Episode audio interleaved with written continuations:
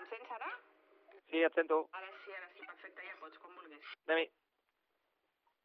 Molt bon dia. On es noten més les manifestacions pel que fa a la circulació a la xarxa viària continua sent sobretot a la demarcació de Girona, amb els desviaments tant des de l'AP7 com de l'N2 des del tram de Puntós, que provoquen retencions, eh, desviaments ara mateix al tram d'Oriols i Vilamalla, així com a la C26 en direcció a Olot. I per la zona de Tàrrega destaquem també el tall de l'A2 a Vilagrassa, provocant congestió en els dos sentits. En un matí, amb algunes incidències, també a destacar ara un accident a la C33 sortint de Barcelona en sentit nord, allà un carril, i complica, per tant, tota la sortida des del Nus de la Trinitat i la Meridiana, amb més de 4 quilòmetres de congestió des de la B10 a Sant Adrià i el Bon Pastor, i també continua la calçada tallada a la B151 per un accident a prop de Rubí, i en general amb més retencions als trams habituals tant de les rondes com dels accessos a Barcelona, a la C58, ara molt plena també, al tram de Sant Quirze en sentit sud. És tot des del RAC, molt bon dia.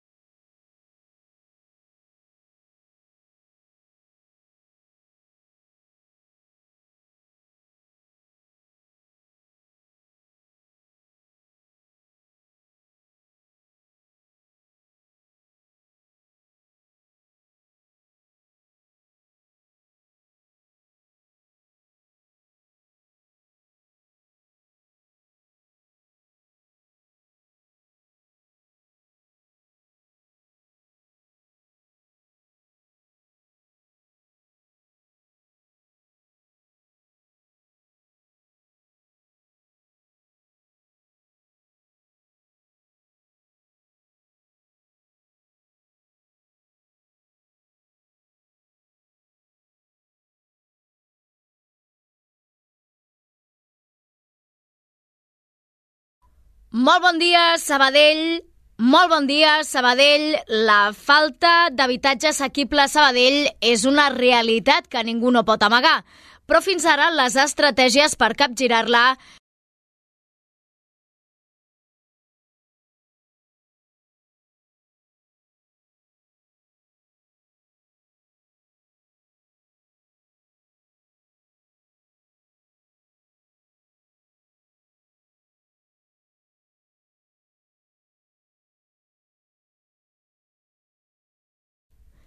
Molt bon dia, Sabadell. La falta d'habitatge assequible a Sabadell és una realitat que ningú no pot amagar, però fins ara les estratègies per capgirar-la no han funcionat. La construcció de noves promocions d'habitatge públic és més lenta del que la ciutadania necessita. La cessió de pisos buits per part de grans tenidors arriba amb comptagotes i l'esperat topall als preus del lloguer encara no s'aplica perquè tot just avui s'ha de publicar l'índex de referència que permeti limitar-los. Mentrestant, els ciutadans fan mans i mànigues per cobrir el cost de l'habitatge sense que moltes vegades vegades rebin cap ajut per part de l'administració. Tot plegat a més en un moment en què les dificultats de les llars catalanes i, per tant, també de les sabadellenques no fan més que augmentar o el conjunt de les administracions fan un pas endavant per tirar endavant mesures efectives i amb impacte real de la mà de tots els agents implicats o estem davant d'un risc de col·lapse per part de moltes famílies. És dimarts 27 de febrer, aquí comença el Cafè de la Ràdio, que fem amb la Rocío García a les vies de so i el suport de les redaccions d'informatius i d'esports.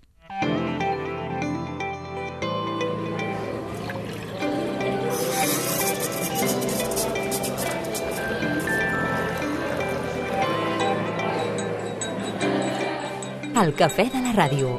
Núria Garcia. El convidat. Paco Aranda, el diputat sabadellenc del PSC al Congrés, passa avui per al cafè per analitzar els últims esdeveniments que afecten el seu partit. Parlarem de la polèmica per l'anomenat cas Coldo i que ha esquitxat directament l'exministre José Luis Avalós, però també de l'última hora en relació als pressupostos de la Generalitat per al 2024. El PSC ha tancat un acord amb Esquerra per aprovar aquests comptes que es formalitzarà aquesta tarda. El tema del dia. L'augment de casos de tos farina al nostre entorn ens ha portat a preguntar-nos què és exactament aquesta malaltia, quins símptomes implica i com es tracta. És el que li preguntarem a partir de 3 quarts de 10 del matí al doctor Valentí Pineda, pediatre infectòleg del Parc Taulí. Segons dades del Departament de Salut, des de principi d'any s'han confirmat a Sabadell una seixantena de casos de tos farina, 140 al Vallès Occidental. La reflexió. La posaran els portaveus municipals que l'endemà del ple participen al debat de política municipal de Ràdio Sabadell. Durant una hora abordaran els principals temes tractats a la sessió plenària d'ahir a la tarda. El cafè de la ràdio. Tota la informació a Ràdio Sabadell. Titulars del dia.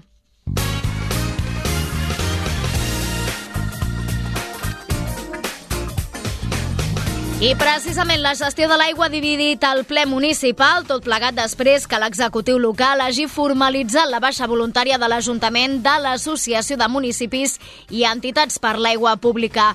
Esquerra, La Crida i Sabadell en Comú Podem han criticat la decisió perquè opinen que no és oportuna en el context actual de sequera. En canvi, els grups municipals han exhibit unitat a l'hora d'oferir suport a les famílies de l'Escola Andreu Castells que exigeixen que la direcció titular del centre no torni. Els pagesos tornen a protestar avui a Girona. Han tornat a tallar la P7 i la Nacional 2 a l'altura de Puntós, a l'Alt Empordà. Reclamen millores de les condicions del sector agrícola, per exemple, per fer front a la sequera, tal com assenyala David Domínguez, titular i administrador d'una explotació agrícola entre Sabadell i Castellà. Són declaracions al matí. Nosaltres que ara mateix aquí la, la Masia Campanet no, no hi ha aigua. Vull dir, és aigua de pou, no arriba aigua de red, uh -huh. i llavors n'hi ha d'un veí doncs, que ens dona aigua i amb això pues, anem fent. I, però per la casa també. Vull dir, ja has de començar a bellugar fils. Dir, tornem a el mateix. Vull dir, demanar sí. permisos, que te'ls donin. Amb el tema de la sequera, ara ja amb emergència hi ha un, eh, hi ha un, un 80% de restricció de rec, Els pagesos també van fer sentir ahir la seva veu durant la trobada de ministres d'Agricultura a Brussel·les. Els veïns de la Concòrdia insten el govern municipal a tirar endavant el projecte per arranjar l'aparcament de sorra de l'Eix Macià. Afirmen que s'hauria d'haver engegat durant el mandat anterior, però que ara l'equip de govern els diu que estan treballant en un projecte previ. Els terrenys han d'acollir en un futur l'Escola de Música i el Conservatori. I en esports, l'Astralpool Natació Sabadell Femení torna a la competició domèstica tres mesos després de l'últim partit. L'equip de David Palma rep avui a Calllonga el Sant Feliu, mentre que el cap de setmana s'enfrontarà el Barceloneta i el Boadilla madrileny. La divisió d'honor femenina s'ha aturat durant tres mesos per la disputa de l'Europeu i el Mundial de Waterpolo.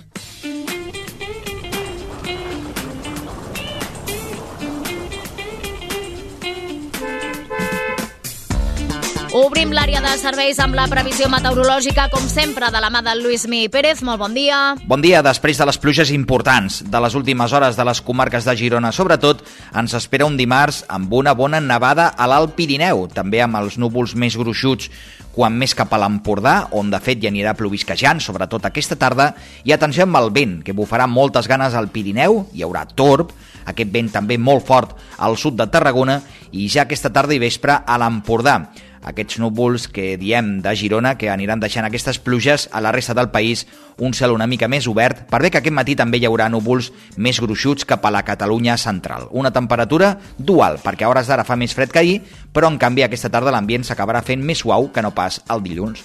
Us seguirem a la xarxa. I pel que fa al transport eh, públic, com funciona aquesta hora? Héctor Molina, molt bon dia. Bon dia des del Transmet. Doncs destaquem hores d'ara que a Rodalies, derivat d'una incidència entre les Franqueses i la Garriga i una a l'estació de Parets, els trens de la R3 registren demores de 20 minuts de mitjana. També destaca que per causes operacionals trobem freqüències de pas alterades a la línia T4 del tram Besòs. La resta de la xarxa, tant ferroviària com de bus, funciona sense cap altra incidència destacable. De moment, això és tot des del Transmet. Molt bon dia. I com se circula a les carreteres catalanes? Problemes a l'Alt Empordà per aquestes mobilitzacions dels pagesos. Alex Huguet, des del RAC, molt bon dia. Molt bon dia. On es noten més les manifestacions pel que fa a la circulació a la xarxa viària continua sent sobretot a la demarcació de Girona, amb els desviaments tant des de l'AP7 com de l'N2 des del tram de Puntós, que provoquen retencions, eh, desviaments ara mateix al tram d'Oriols i Vilamalla, així com a la C26 en direcció a Olot. I per la zona de Tàrrega destaquem també el tall de l'A2 a Vilagrassa, provocant congestió en els dos sentits. En un matí, amb algunes incidències, també destacar ara un accident a la C33 sortint de Barcelona en sentit nord, allà un carril, i complica, per tant, tota la sortida des del Nus de la Trinitat i la Meridiana, amb més de 4 quilòmetres de congestió des de la B10 a Sant Adrià i el Bon Pastor, i també continua la calçada tallada a la B151 per un accident a prop de Rubí, i en general amb més retencions als trams habituals tant de les rondes com dels accessos a Barcelona, a la C58, ara molt plena també, al tram de Sant Quirze en sentit sud. És tot des del RAC, molt bon dia. I com se circula aquesta hora a l'interior de la ciutat? Li preguntem a la Navila Expósito, que ens ho explica des de la policia municipal. Molt bon dia, Navila. Bon dia, doncs avui dimarts 27 de febrer el trànsit urbà de Sabadell presenta diverses afectacions però sense incidències importants. A hores d'ara es podrien experimentar retencions puntuals a la Gran Via, especialment al carrer de Brujas i carrer de Vidal, en ambdós sentits del trànsit, a l'accés a la C58 en direcció Barcelona i a la Rambla d'Ibèria i Ronda Ponent en la seva confluència amb la Nacional 150 en els dos sentits de la circulació. També es podrien trobar quas a l'Avinguda Josep Tarradellas, especialment en arribar a la plaça d'Espanya, al carrer d'Antoni Forrellat i al passeig de Sant Bernat. Per finalitzar, volem fer-vos saber que a l'Avinguda de Francesc Macià hi haurà un petit tall de circulació a partir de dos quarts de deu. Això és tot des de Policia Municipal. Gràcies, bon dia. Les 9 i 9 minuts del matí, la gestió de l'aigua a Sabadell en plena emergència per sequera ha enfrontat les forces amb representació a l'Ajuntament a l'últim ple municipal. La baixa voluntària de l'Associació de Municipis i Entitats per l'Aigua Pública ha topat amb el model de la crida Sabadell en Comú Podem i també Esquerra. Aquestes forces s'han posicionat clarament en contra de deixar una entitat de la qual la ciutat n'és una de les fundadores. Karen Madrid, bon dia. Bon dia. Consideren poc oportú que Sabadell deixi l'entitat, ja que consideren que compartir experiències amb altres municipis podria ser la clau per superar la sequera. Santi Valls és regidor d'Esquerra i Joan Mena és portaveu de Sabadell en Comú Podem. Nosaltres creiem que tot i tenir una concessió a llarg termini, cal estar-hi sempre. en aquests espais. Per nosaltres és un tema, eh, doncs sí, ideològic, de ser-hi. Eh, igual que estem a l'Associació de Municipis i Entitats per l'Energia Pública, i aquí ho vam, hi vam entrar-hi, i, i no tenim pas l'eix principal de distribució de, de la xarxa elèctrica i l'energia i pinta que no la tindrem. Que en un context d'emergència climàtica, amb una crisi hídrica sense precedents a Catalunya, on les restriccions d'aigua han vingut per quedar-se i el que caldria és que totes les administracions i també els ajuntaments fessin pedagogia per a una nova cultura de l'aigua en matèria d'estalvi o de regeneració, el que proposa el govern de Junts i del Partit Socialista és que Sabadell abandoni una entitat que treballa justament per a aquests objectius. Des de l'equip de govern han admès que deixar aquesta entitat té un rerefons ideològic, ja que no comparteixen els objectius i la visió d'aquesta. El tinent d'alcaldessa Eloi Cortés defensa que es pot liderar la superació de la sequera sense necessitat de formar part de l'entitat. Ho lidera a través de l'aigua regenerada, a través de l'aigua freàtica i també amb lideratge polític eh, intentant posar llum en un govern de la Generalitat de Catalunya que sembla que no té clar ni com aplicar el seu propi pla de la sequera, intentant demanar mesures que siguin de justícia social i que permetin doncs, que la nostra ciutadania pugui anar a les piscines públiques, cosa que de moment el govern sembla que no té molt clar.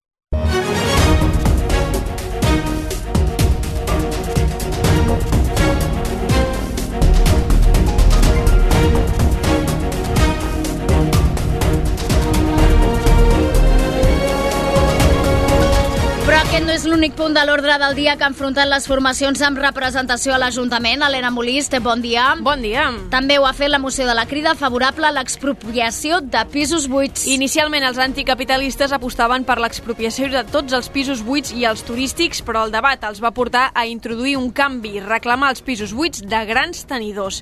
Els arguments més repetits han estat el dret a la propietat. Els han esgrimit la regidora de Junts, Katia Bota, el regidor de Vox, César Gil, i la regidora del PP, Cuca Santos. El dret a la propietat privada per nosaltres és un dret fonamental. El propietari no pot ser el subjecte obligat a dur a terme una acció assistencial que correspon a l'administració.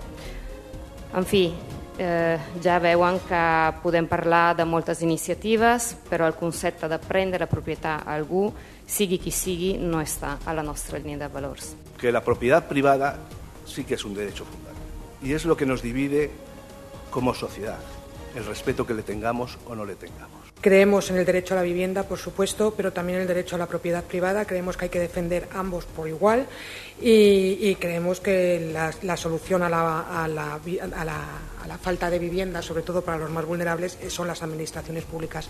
La portaveu de la Cridana, Lara, per la seva banda, defensa el dret a l'habitatge per sobre de tot.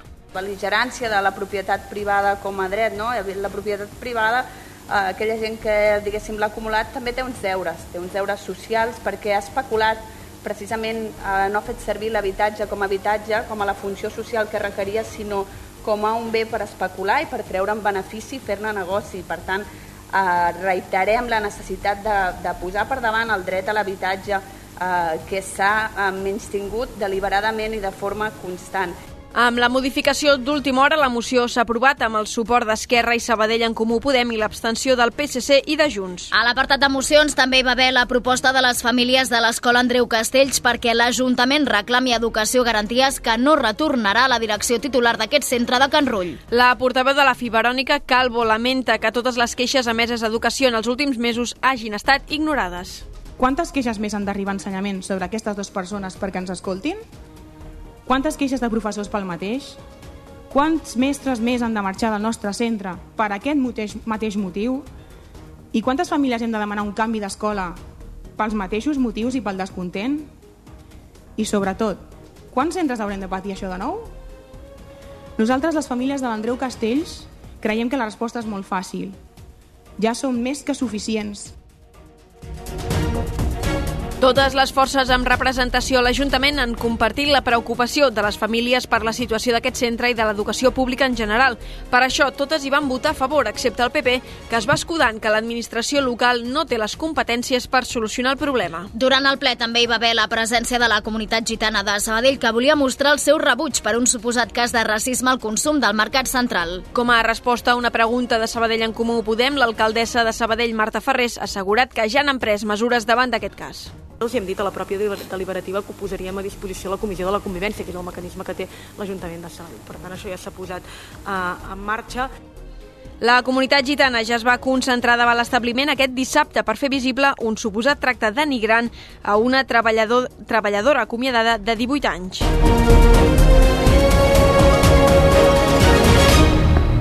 Pots tornar a escoltar tots els continguts del Cafè de la Ràdio al web de Ràdio Sabadell, però també a Spotify, iVox i a l'Apple Podcast. Un quart de deu del matí, avui el sector de la pagesia torna a mobilitzar-se per reivindicar millores econòmiques i burocràtiques. A hores d'ara, els pagesos tallen la P7 i la Nacional 2 en els dos sentits a l'altura de Puntós, a l'Alt Empordà, mentre que a la 2, a l'alçada de Tàrrega, també hi ha talls de trànsit en els dos sentits des de primera hora del matí. Una de les principals protestes del sindicat és la competència deslleial, diuen textualment, de les importacions que no compleixen les mateixes condicions exigides a les produccions agràries dels països membres de la Unió Europea.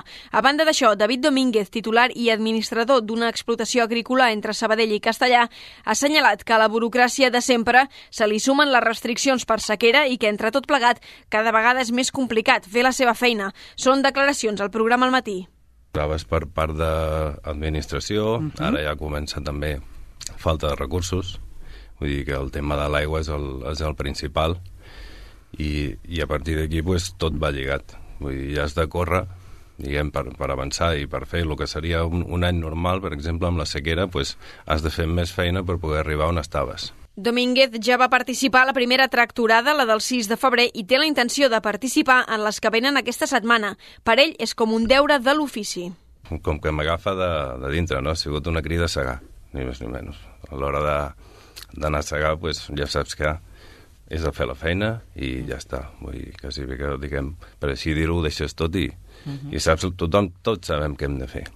Vull dir que és un temps que, que s'ha de fer perquè poden venir molts problemes a darrere i doncs, quan abans acabem millor, no? La setmana de mobilitzacions arrenca després que aquest dilluns els ministres d'Agricultura de la Unió Europea hagin demanat a la Comissió Europea mesures més ambicioses per resoldre els problemes de la pagesia.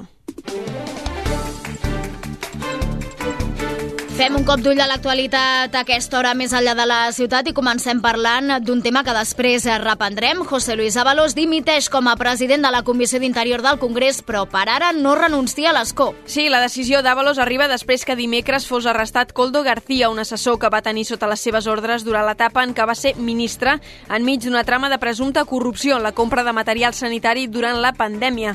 Tot i la seva dimissió d'aquesta com comissió, el PSOE continua insistint a Ábalos que lliuri l'acte de diputat. Li preguntarem al diputat sabadellenc del PSC al Congrés, Paco Aranda, d'aquí a una estona. Terratrèmol de matinada a Osca. Sí, un sisme de 3,3 graus amb epicentre a Osca ha estat àmpliament percebut aquesta matinada a la Val d'Aran, l'Alta Ribagorça, al Pallars Sobirà i a la Franja de Ponent, sense provocar, això sí, danys. L'Institut Cartogràfic i Geològic de Catalunya ha rebut 105 confirmacions de percepció de terratrèmol. Jordi Turull es recupera l'UCI després de ser intervingut per un infart. El secretari general de Junts ha patit una insuficiència cardíaca cardíac aquest dilluns, per la qual ha ingressat a l'hospital després de sentir-se indisposat a Sant Feliu de Llobregat. Segons apunta el mateix partit, Turull està estable. Marta Cortizas, del celler de Can Roca, s'alça amb el Premi a la millor sommelier de Catalunya 2024. Fins a 12 sommeliers de tots el país han disputat aquest dilluns el reconeixement d'aquest guardó en un concurs que s'ha desenvolupat a la Universitat de Cervera. La delegada comercial de Jové i Camps de Sant Sadurní de Noia, Anna Casabona, ha quedat en segona posició i Cristian Betoret, de Masa de la Sala de Sallent, ha estat el tercer classificat. Última punt, Suècia supera l'últim escull per adherir-se a l'OTAN després de rebre la ratificació del Parlament hongarès. Amb la votació d'aquest dilluns, tots els estats membres de l'OTAN han aprovat l'adhesió de Suècia, que va sol·licitar l'entrada al maig del 2022, pocs mesos després de l'esclat de la guerra d'Ucraïna. Ara, el secretari general de l'OTAN, Jens Stoltenberg, convidarà el país escandinau a signar els tractats, Prenent l'anterior exemple de Finlàndia, el procés hauria de ser bastant àgil. En aquell cas, Turquia va ser l'últim país que va ratificar l'entrada de Helsinki i cinc dies més tard Finlàndia es convertia oficialment en membre de l'OTAN. Per tant, tot serà bastant rapidet. L'Agència Catalana de l'Habitatge obre una nova convocatòria d'ajudes per pagar el lloguer. Va dirigida als menors de 35 anys i als majors de 65. Aquests poden presentar la sol·licitud des d'avui fins al 27 de març, mentre que el col·lectiu de joves ho podrà fer entre l'11 de març i el 12 d'abril. Igual que l'any passat, les ajudes no es concediran per ordre de presentació, sinó que es tindran en compte les circumstàncies dels sol·licitants. En aquest sentit, les quantitats de les bonificacions són variables. El mínim és de 20 euros mensual i el màxim és de 250 euros euros per als menors de 35 i de 200 per als majors de 65. Per Eloi Cortés, el tinent d'alcaldessa de serveis a les persones, cal buscar un equilibri entre la quantitat i la qualitat de les ajudes. A vegades no és tant l'import de l'ajuda, sinó el volum de persones que s'hi poden presentar, perquè tant li si la posem a 500 euros, si llavors redueixes el número de persones que s'hi poden presentar. Um, per tant, bueno, és un equilibri que s'ha de trobar entre, entre aquestes dos, eh, entre aquests dos elements, l'import en si de l'ajuda i el número de persones que al final hi poden, hi poden optar. Cal tenir en compte que aquestes ajudes exclouen els lloguers amb els preus més elevats. En l'àmbit metropolità, per tant, el Vallès Occidental hi està inclòs. El topall està en els 900 euros per pis o 450 per habitació. Malgrat que és una bonificació autonòmica, a Sabadell els tràmits i les sol·licituds es gestionaran a través de Bimusa. L'anunci de l'Agència Catalana de l'Habitatge va en paral·lel a l'índex de referència de lloguers que havia d'entrar en vigor aquest mes de febrer. Sí, de fet, aquest dilluns mateix la consellera d'Habitatge, Esther Capella, s'ha desplaçat a Madrid davant la possibilitat que el govern govern espanyol publiqui un, índic, un índex de referència de lloguers que no respecti l'acord assolit l'11 de gener passat. Després d'una reunió amb la seva homòloga, el govern espanyol, Capella ha lamentat que no s'aconseguiran els efectes esperats. Malauradament, el Ministeri no ho veu igual que nosaltres, per tant, doncs, eh, no ha volgut treballar en un sistema d'índex que incorpori l'índex català i el que ha fet és crear un índex homogeni per tot l'Estat. Per tant, a criteri del Departament de Territori, això farà que els preus no baixin. Recordem que Sabadell és un dels 140 municipis catalans declarats com una zona tensa en el mercat immobiliari. I ara parlem de l'Associació de Veïns de la Concòrdia, que demana a l'equip de govern que posi fil a l'agulla a les obres de l'aparcament de sorra que actualment hi ha a l'Eix Macià. En declaracions al programa al matí han recalcat que l'actuació s'hauria d'haver fet durant el mandat anterior i que ara només se'ls explica que s'ha estat treballant, Helena, en un projecte previ. Doncs sí, el president de l'Associació de Veïns, Francesc Portolés, ha explicat a Ràdio Sabadell que els preocupa especialment el fet que no s'avanci en aquesta obra. A més, ha destacat que l'estat actual de l'equipament amb la sorra és un problema greu de contaminació per la zona. Aquest és un tema preocupant perquè estem parlant d'una zona on la contaminació de la pols és molt, molt greu, molt greu. És un 50%, amb l'estudi que es va fer un 50% més alta que la resta d'on tenim a Sabadell la, la, on es medeix la contaminació i eh, en aquest sentit pues, estem preocupats. De fet, Portolès lamenta que aquesta actuació ha tingut fins i tot un pressupost assignat i que tot i això no s'hi avança. És un tema de pressupostos. La legislatura anterior ja hi havia pressupostat. Si hi havia pressupostat no pot ser un tema d'aquesta legislatura. Això és així, això és així de clar. Llavors, que parlem? Sí. Que ens diuen que això ho agilitzaran? Sí però que la realitat no és aquesta, sí. Per tant, des d'aquí el que demanem és que s'agilitzi això L'equip de govern de Marta Ferrés preveu construir en aquest espai, en aquesta gran superfície, una nova escola de música i un conservatori. L'actuació a hores d'ara no té calendari, però l'equip de govern n'ha destacat la seva importància en diferents actuacions. L'espai es va posar damunt la taula com a opció per acollir els nous jutjats de Sabadell abans que s'optés per la remodelació de les instal·lacions actuals. D'altra banda, i encara la Concòrdia, l'Associació de Veïns i el CAP del barri estan posant en marxa un projecte de salut comunitària per millorar la salut dels veïns. La referent del centre d'atenció primària, Natàlia Caparrós, ha explicat al matí que les principals afectacions estan relacionades amb la salut mental. Per això, ha dit, és essencial treballar en comunitat la zona sud de Sabadell i a Castellà, que ja van molt més adelantats que nosaltres, han demostrat que es baixa molt la, el... Primer, que millora molt la qualitat de vida de les persones i, a més a més, baixa molt el, les visites al CAP per temes de salut, per temes relacionats amb ansietat i problemes de salut mental. La primera proposta serà el 6 d'abril amb una caminada que coincideix amb el Dia Mundial de l'Activitat Física.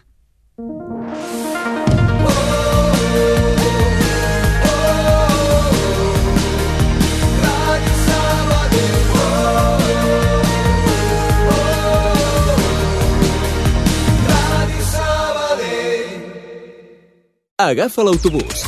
Viatja amb la TUS. Trajectes més ràpids i directes, més connexions entre barris, nous horaris per afavorir l'intercanvi entre línies. Estalvia temps. Estalvia diners. Agafa l'autobús.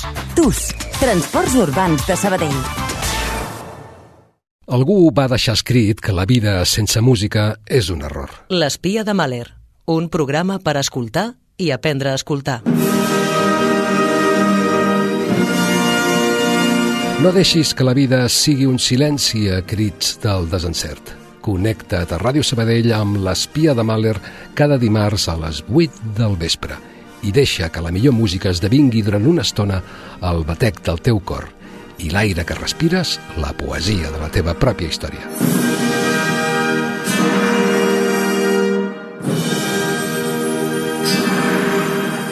És aleshores que podràs dir que la vida és un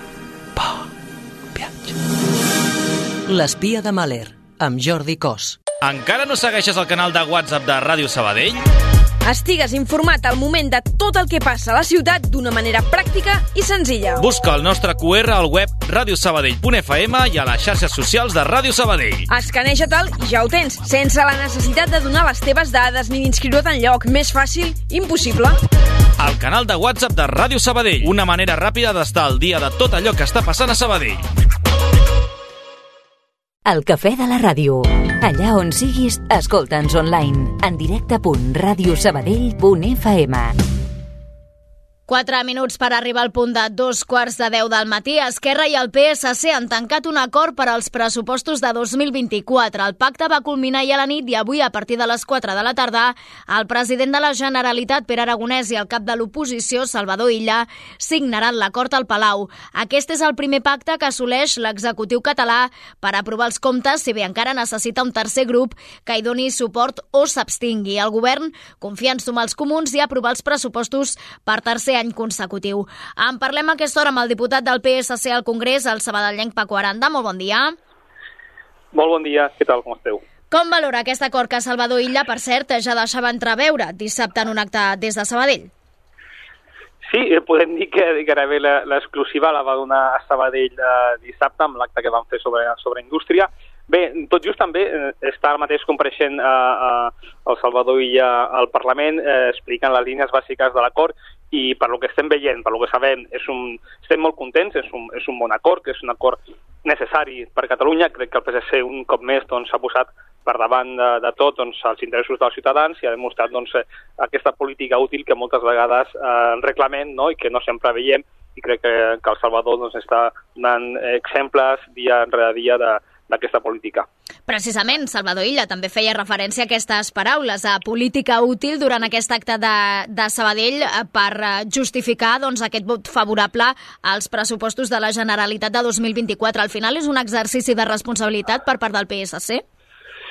Sí, jo crec que sí, jo crec que estem en un moment complicat, tothom, tothom ho sap, eh, no només en el context general, sinó també al particular, estem passant un, un episodi de sequera molt important.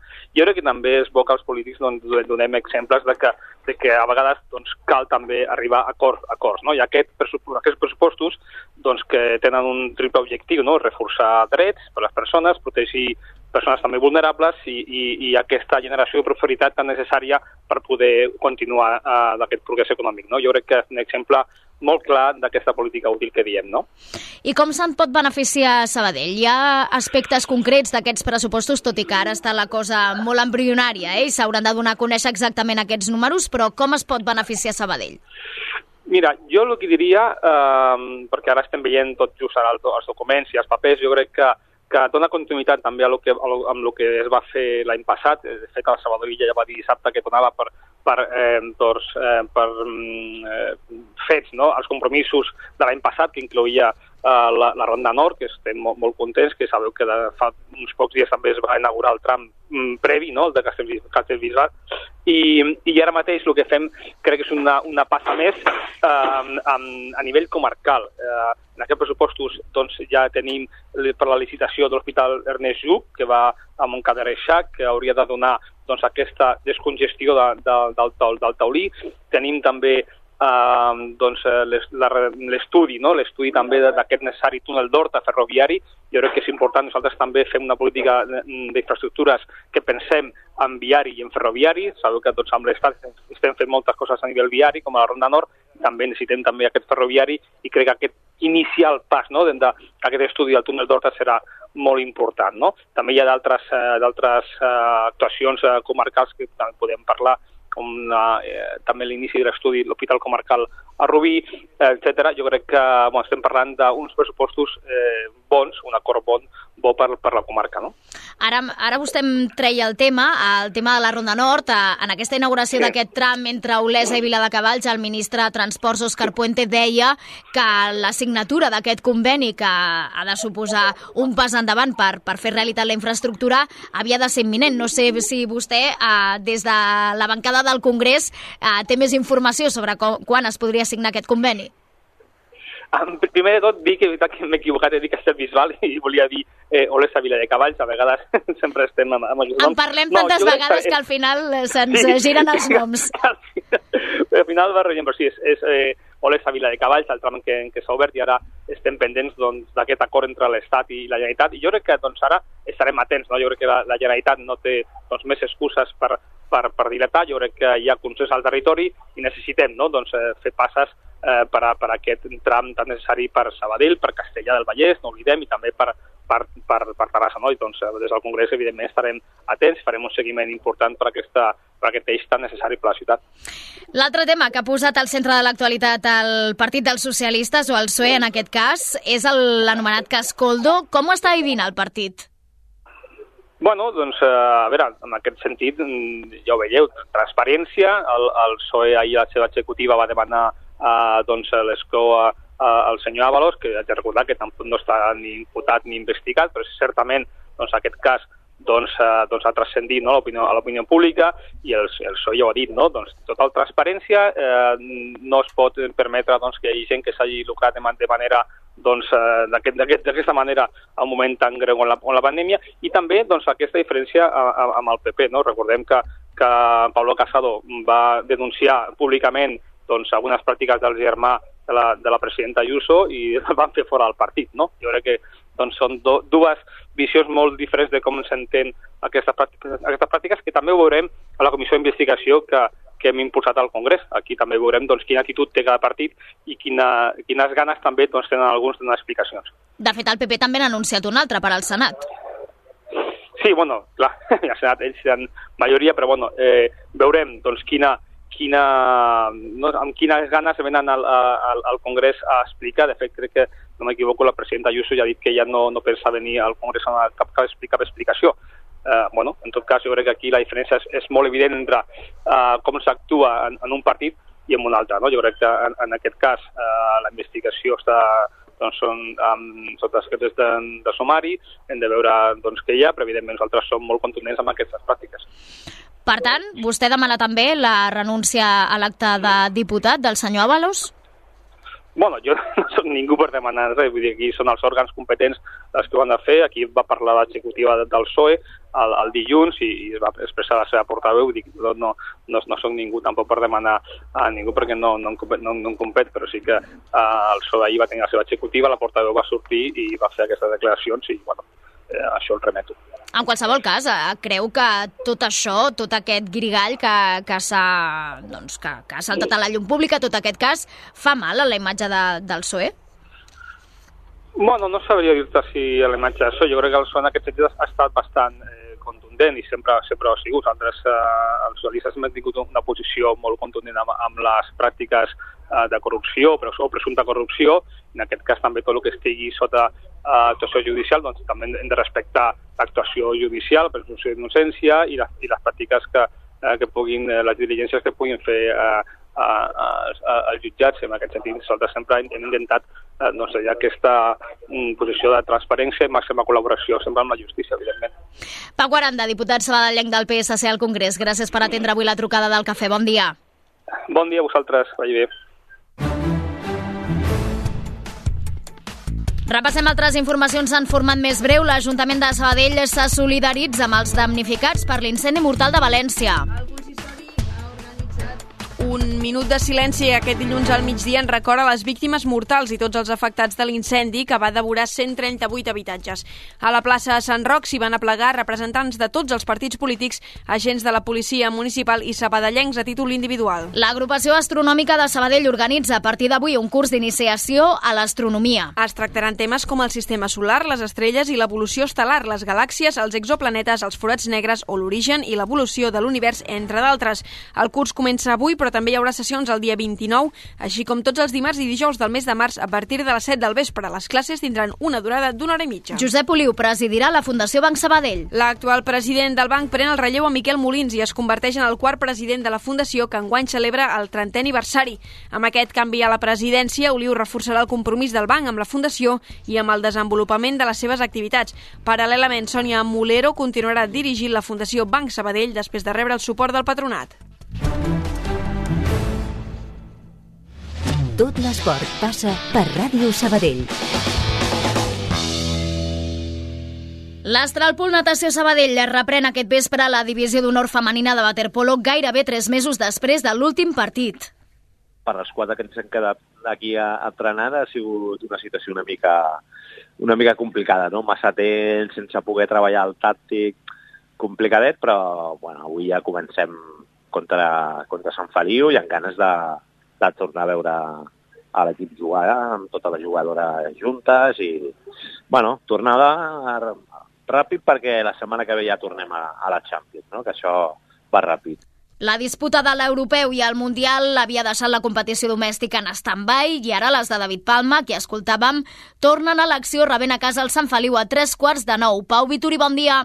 Bon dia. Un duel sobre el paper assequible, com també ho seran el del dissabte a la Barceloneta i diumenge, novament, a la Finet Work Aquàtics de Can Llong contra el Boadilla madrileny. Segons el tècnic David Palma, un bon calendari pensant en el duel del 9 de març a la piscina de l'Alimos grec, en què haurien de certificar l'accés a la Final Four de la Champions. Contra Sant Feliu, eh, dissabte a Barceloneta i diumenge a Boadilla, bueno, són equips que nosaltres som molt superiors i que crec que ens permet pues, fer una reentré amb una mica de, de més comoditat, no? sense aquella pressió ja d'afrontar-te contra un rival que sabràs que hauràs d'anar a Ganivet per guanyar. L'Astralpool és tercer a la Lliga, a 3 punts del Mataró i a 9 del Sant Andreu, que ha jugat un partit més. Palma recupera la italiana Sofia Giustini i Irene González, que van acabar el 2023 lesionades, però perd Maica Garcia i Judit Forca per diferents molèsties físiques. A totes dues, però, se les espera a Grècia. Avui també són dubte, per cert, Paula Leiton i Sabrina van der Slot, totes dues en processos vírics. A Sabadell continuen també els maldecaps pel que fa als lesionats. La baixa de Jonander a Melívia per les pròximes sis setmanes ha encara complicat més el panorama per a l'estaf tècnic arlequinat. Un fort cop al bessó del central ha greujat els problemes a la zona defensiva. Dissabte, en el triomf contra el Real Unión, va haver de jugar Jesús Fernández. El jove futbolista cedit per la Ferradina, qui es va estrenar com a titular, espera estar a l'altura de les circumstàncies perquè la baixa de Melívia afecti al mínim possible. Yo al final trabajo para, para aprovechar las oportunidades y para rendir al máximo. Yo al final es una putada porque es un, es un jugador importante en el club, pero bueno, yo tengo que trabajar para mí, intentar demostrarlo cada fin de semana, cada entrenamiento, cada día y lo que venga que, que sea lo que al final llevo trabajando todo este tiempo. Deixant davant dels lesionats de gravetat Javi Gómez, Pablo Monroy i Sander Ballero, recordem que també estaran fora de combat les pròximes setmanes Carles Salvador i Ricard Pujol. Per la seva part, Àlex Gualda continua amb dolors al peu i Antonio Moyano, qui va forçar la cinquena groga al final de l'últim partit, també té problemes musculars. Òscar Cano, l'entrenador del Sabadell, no és molt optimista amb la situació. El primero que vamos a recuperar precisamente Moyano, así que fíjate lo, lo difícil que va a estar eh, recuperar para el próximo compromiso a, la gente, ¿no? Todos van mejor de su dolencia, tanto Carles como, como Ricard posiblemente estén antes de lo que a priori se esperaba, eh, pero lo más importante es eh, ver a quién tenemos disponible y hacerles sentir lo que realmente son, ¿no? Porque uno no lo hace eh, por animarlos, lo hace porque cree en que hay veintipico jugadores que pueden jugar cualquiera de ellos. ¿no? D'altra banda, David Astals i Vladis Copotun aguanten encara amb quatre targetes i mantindran la condició de percebuts en el duel de diumenge al camp del Sestao River. El juvenil del Sabadell, per la seva banda, s'ha tornat a complicar la vida. La inesperada derrota 2 a 3 davant del Platges de Calvià ha tornat a apropar els arlequinats perillosament a la zona de descens. Sí, els d'Albert Milà van dilapidar un 2-0 a favor contra un equip que arribava a Olímpia com l'últim classificat de la divisió d'honor. De nou, els sabadellencs van encaixar el gol de la derrota en el tram final i el tècnic ho lamenta. Yo creo que no hemos estado bien todo el partido. Creo que no hemos estado bien ni en fase ofensiva ni en fase defensiva. Eh, la primera parte nos vamos 2-0, pero creo que tampoco es buena. Y hacer autocrítica y seguir trabajando, queda mucho. Ellos te exigen un nivel de activación mucho menor a otras semanas. Eh, los partidos que están muy igualados, muy competidos, eh, la fase, el momento de activación del jugador es muy alto y cuando juegas contra estos rivales que son inferiores, eh, parece que te despistes, parece que te relajes y cuando te das cuenta te han metido un gol y están dentro del partido. Hemos tenido con el 2-0 hemos tenido un par de acciones para matar el partido, con el 2-1 también para, poner, para meter el 3-1 y, y al final en los últimos 5 minutos otra vez volvemos a encajar. A només un punt del descens se situa el Sabadell. El marge del mercantil, mercantil, en canvi, és de 3 punts després d'esgarrapar un valuós empat a 0 del camp del San Francisco Balear. Carlos López, l'entrenador blaugrana, dona per bones les taules. Aquesta setmana doncs, eh, l'empat va ser molt meritori en el sentit de que, de que sobretot el Saurapà doncs, vam ser força superiors i vam, vam inclús tenir moltes ocasions per, per fer gol i bueno, al final no, no va poder ser, però sí que és veritat que l'equip va tornar a tenir aquesta sensació eh, que havíem tingut durant tota la temporada. Tant el centre d'esports com el mercantil tindran duels directes aquest cap de setmana amb el Cornellà i el Racing Zaragoza com a rivals respectivament. I en handbol, Gràcia i Sant Cugat es perfilen cada cop més com els dos equips candidats al segon lloc de la primera nacional masculina. Els graciencs són els únics que aguanten el ritme dels santcugatencs. Els de Perellats es van imposar 36-26 al Palau Tordera i són a dos punts de la zona de fases d'ascens. La resta de rivals, en canvi, ja se situen a més d'un partit de diferència dels verd i blancs. Allats, a més, va recuperant efectius que estaven lesionats de cara al tram decisiu de la temporada. Bon partit per agafar sensacions. Vam tornar a recuperar ja l'Isma i en Manero, que havien estat de, de baixa gairebé els dos un mes per, per lesió i, bueno, per agafar sensacions i un partit en el qual on Palau Tordera venia de, de guanyar Sant Cugat la setmana passada i que per tant sabíem que estaven en un moment dolç i, i sabent que ells es juguen la permanència doncs vindrien a, a, a per totes. D'aquí a un parell de jornades, l'Oar Gràcia i Sant Cugat es veurà les cares en un partit que es preveu decisiu.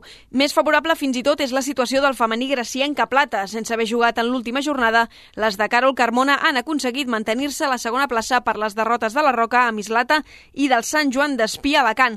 Recordem que el Levante Oar es va suspendre per l'incendi de l'edifici a València.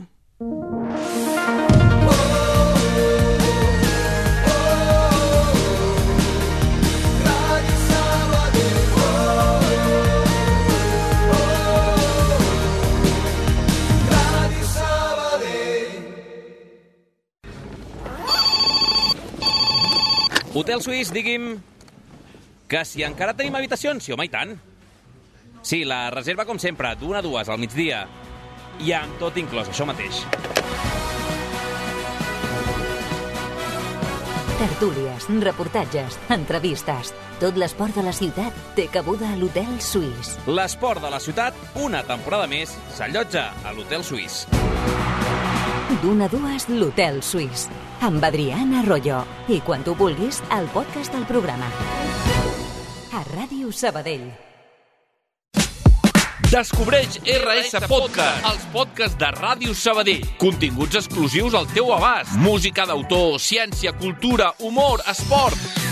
Allò que més t'agrada a un sol clic. Entra al web radiosabadell.fm i prepara't per gaudir dels nostres continguts d'una manera diferent.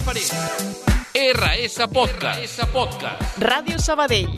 La vius, la veus, la sents. El cafè de la ràdio. Pràcticament tres quarts de deu del matí, l'Hospital de Sabadell s'ha convertit en el primer hospital de l'estat espanyol que està acreditat per la Societat Espanyola del Genoll per ser centre formador de cirurgia de genoll. Aquest segell li permetrà al taulí entrar al pla formatiu de l'organisme i poder rebre dos residents de diferents hospitals de l'estat a Sabadell perquè aprenguin noves tècniques quirúrgiques. Però com ho han aconseguit? Les respostes amb la Mireia Sans. Bon dia. Bon dia, doncs, per l'alta especialització de la unitat de genoll, tenint en compte que tres dels set professionals que hi treballen són professors acreditats en traumatologia de genoll. Són professionals que capitanegen projectes líders en aquesta matèria i les operacions que s'hi fan són d'alta complexitat, tal com ha destacat a Ràdio Sabadell Cristian Iela, el cap de la unitat de genoll. Tenim un nivell bastant alt, igualment en, en algunes intervencions que potser no es realitzen a, tot, a tots els hospitals, no?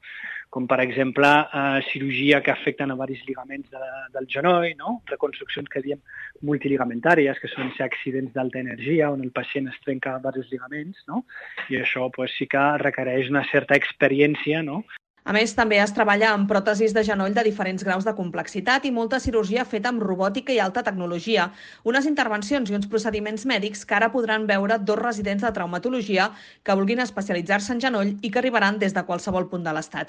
Per Iela és una molt bona oportunitat per l'Hospital de Sabadell perquè els dona prestigi. La Societat Espanyola de Genoll el que té un pla de formació per residents que consisteix en agafar dos residents d'algun lloc d'Espanya, d'alguna comunitat autònoma, com per exemple doncs, poden ser dos residents de la comunitat de Madrid, i els porten a una, a una ciutat, com pot ser doncs, aquí a Barcelona, Sabadell entraríem dintre l'àrea de Barcelona, i aquests residents van a dos hospitals per veure tècniques diferents a les que es fan al seu hospital o potser a un nivell una mica més complex o amb gent més, més que, fa, que té més experiència, no? més expertesa en aquest tipus de, de cirurgia. La unitat de genoll de l'Hospital de Sabadell està especialitzada tant en cirurgia esportiva, derivada de lesions vinculades als lligaments o a les ròtules, però també amb disciplines degeneratives com ara l'artrosi o l'artritis.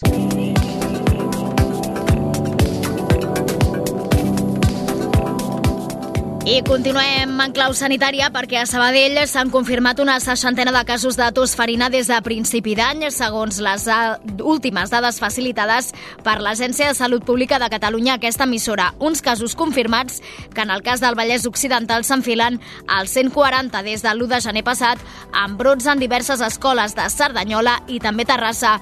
Però per què ha tornat a ressorgir una malaltia contra la que estem vacunats? Li preguntem a aquesta hora al pediatre infectòleg del Taulí, el doctor Valentí Valentí Pineda. Molt bon dia, doctor. Hola, bon dia. La malaltia va experimentar un pic l'any 2015 i va tocar fons durant la pandèmia. Per què ara hi ha aquest repunt de casos? Bueno, la, la malaltia és, és una malaltia que està eh, ocasionada per una bactèria que es diu Bordetella i aquesta bactèria fa petites mutacions adaptant-se a la pressió que rep de les vacunes, dels antibiòtics, i de forma periòdica tenim brots. Vam tenir un d'important el 2015 i ara ens toca doncs, aquest del 2023-24, que hi ha un augment important de casos. Què és exactament la tosferina?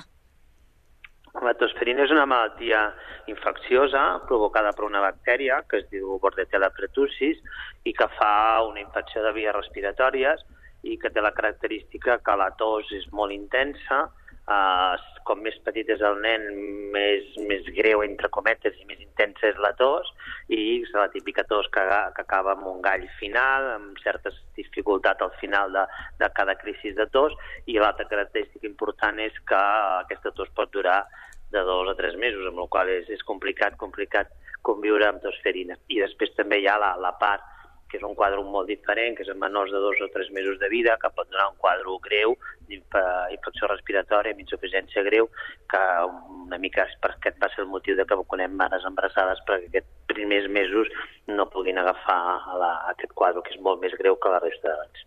Per tant, amb tot això que ens explica, podem afirmar que és una malaltia greu? Li pregunto perquè també s'ha generat una certa alarma no?, al voltant d'aquest repunt dels contagis. Bueno, a veure, no sé què entenem per greu. No, no és una malaltia greu, no és una malaltia que mata, no és una malaltia que acostumi a ocasionar ingressos als pacients que, que la tenen.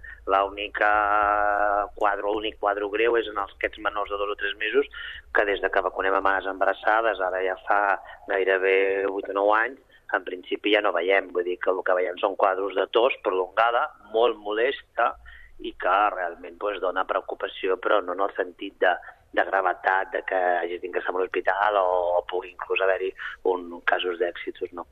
I com es contagia? Quan, qualsevol malaltia respiratòria eh, amb el contacte de, de la saliva, de les gotes, del parlar, el mateix que hem pres amb el Covid, que és una malaltia respiratòria típica, però exactament igual, no poder no és tan contagiosa com altres, com, com altres virus, una bactèria que no, no és tan contagiosa, però realment és, és per contacte directe entre persones que tenen la bordetela al coll saber que aquesta bordetela, en principi, si donem antibiòtic, està com a màxim 5 dies al coll de les persones i si no donem antibiòtic pot estar fins a 2 i 3 setmanes, amb la qual eh, entenem que si no tractem el contagi durarà molts dies, fins a 3 setmanes. Per tant, eh, quins símptomes ens han d'estar fer en alerta, diguéssim, eh, i per tant, quan hem d'acudir al metge? A veure, això és una pregunta complicada. Uh, eh, és tos. En principi, la tos es pot degut a mil, a mil causes, des d'un refredat, una faringitis, una bronquitis, hi ha una sèrie de, de causes que, que poden donar tos i una tos intensa. El que sí que demanem amb la tosferina, sabent que hi ha un grup, però que no serveixi per sempre, és ara perquè hi ha un grup, un brot important, quan hi hagi una tos intensa que acaba eh, amb un gall final, que és amb, amb, amb, amb crisis, amb accessos, que el nen tos dura poder 30 segons, un minut, està sense tossir una hora i torna a fer crisis, doncs hem d'anar al pediatre una mica perquè, perquè diagnostiquem la malaltia, la tractem i evitem el contagi. Aquesta malaltia, quan més tardem a fer el diagnòstic, ho podem fer-ho per la PCR, com més tardem, més difícil és trobar la bordetela. La bordetela va desapareixent mica en mica i si anem tard, doncs, en principi ja no la diagnosticarem i ja no podrem fer però el tractament preventiu, que és el que estem intentant fer a tots els casos índex. No? El que passa que no, no anem d'anar al metge per, per gravetat, sinó perquè ens ho diagnostiquin, perquè ens diguin si realment podem tenir una tosferina, tenim una bronquitis, tenim una altra cosa, i amb això pues, poder, poder actuar perquè ens comentaven des del Departament de Salut que precisament la tosferina és una d'aquestes malalties que quan hi ha un cas s'ha de, de comunicar. Precisament entenc que és uh, pel fet que sigui tan contagiosa, no? Bueno, no, no, no, no només per això. És una malaltia immunoprevenible. Això que vol dir que és una malaltia que hi ha vacuna. Totes les malalties que tenim vacuna acostumem a aconsellar la declaració obligatòria. Per què? Perquè ens poden informar sobre el fracàs d'una vacuna o sobre que una vacuna ja no està tan anant bé com fa uns anys, oi? amb la qual les malalties immunoprevenibles acostumen a ser declaració obligatòria per tenir un control de l'efectivitat de les vacunes que posem a la canalla. Quan es posen aquestes, aquestes vacunes? Perquè es posen a la canalla, però també, com comentava, a les dones embarassades per cobrir aquests primers mesos de vida del nadó. Sí, es posa uh, juntament amb altres vacunes amb una vacuna que es diu Hexavalent, als 2, 4, 11 mesos de vida i després un record als 6 anys. I després es posa a totes les embarassades a partir de 27 setmanes de gestació. Ah, per què diria, o hi ha algun motiu, potser no, eh? però pel fet que l'àrea de Sabadell i també del Vallès Occidental estigui sent una de les més afectades ara per aquest grup de tos farina? Bueno, necessitaríem tenir les dades àmplies d'altres territoris i saber quantes proves demanen. O sigui, una de les coses que, que fa que una malaltia es diagnostiqui més o menys és dependre de les proves PCR que es fan als serveis d'urgències o als ambulatoris. No sabem exactament eh, quanta PCR es fa fora del Vallès eh, i a lo millor ha els mateixos casos. Aquí realment la, les coses es fan bé, hi ha, hi ha, hi ha bons eh, centres d'atenció primària, hi ha bons hospitals, i es diagnostica molt i es fa molta PCR, amb la qual eh, trobem més casos. No sé si molts més que altres zones, segons el Departament de Salut sí que hi ha més casos a Vallès Occidental que a la resta de Catalunya, però m'agradaria que, que, que quan acabés el brot es posessin les dades sobre la taula, mirar com s'han fet les proves, quin ha fet més, s'ha fet a tothom, no s'ha fet a tothom, etc. Vull dir que és difícil ara fer una alarma només al Vallès, jo crec que és una alarma a tot Catalunya i a Espanya ja fa dies que també s'estan reportant brots a diferents comunitats autònomes. Dèiem que són casos que majoritàriament per la seva situació arriben a l'atenció primària perquè no són casos greus, però les urgències del taulí també tenen constància que hagin arribat casos de tos farina? Sí, sí, no.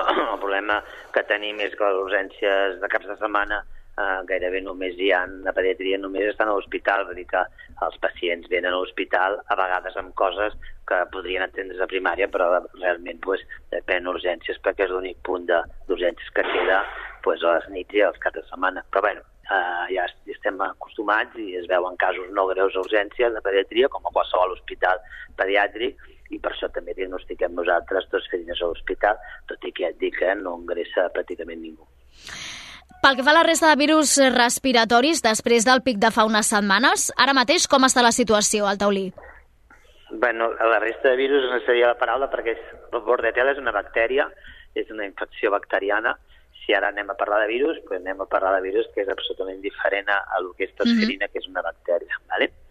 Uh, els virus a què et refereixes que, que hi havia cada any, com grip, com uh, el virus sincitial respiratori, i els últims anys Covid, pues, tot ha baixat, pràcticament ja estem a, a, a llindars de fora d'epidèmia en aquests moments. Per tant, no és una bona notícia perquè això vol dir que les urgències de, del taulí respiren més tranquil·les, eh? Bueno, sí, sí, en principi, eh, quan ha infeccions respiratòries, eh, al haver-hi menys hi ha menys demanda. Però ja et dic, la demanda és tan, tan important que, que quan no es ve per una cosa es ve per una altra. Aquest cap de setmana hem fet forces visites a pediatria del taulí eh, i en teoria pues, és cert que no hi ha masses virus, però realment els centres d'urgències en principi pues, es queda gairebé unificat a, a l'hospital a zones on hi ha un hospital pediatre com el nostre i els caps de setmana doncs, s'omplen d'urgències de, de pediatria. La immunització contra la bronquiolitis en parlàvem fa uns mesos també um, i comentava que havia ajudat molt a reduir doncs, a, els ingressos a conseqüència d'aquest virus. La tendència es manté i, per tant, eh, ja es pot afirmar que és, una, és un fàrmac que, mm, evidentment, eh, doncs, efectiu Bueno, és tremendament efectiu. Jo crec que és una de les coses que s'han fet a pediatria més importants els últims anys. Penseu que entre octubre i gener de cada any, a febrer, en principi el 50% dels ingressos als hospitals pediàtrics eren per bronquiolitis. Això ho hem disminuït un 85-86%.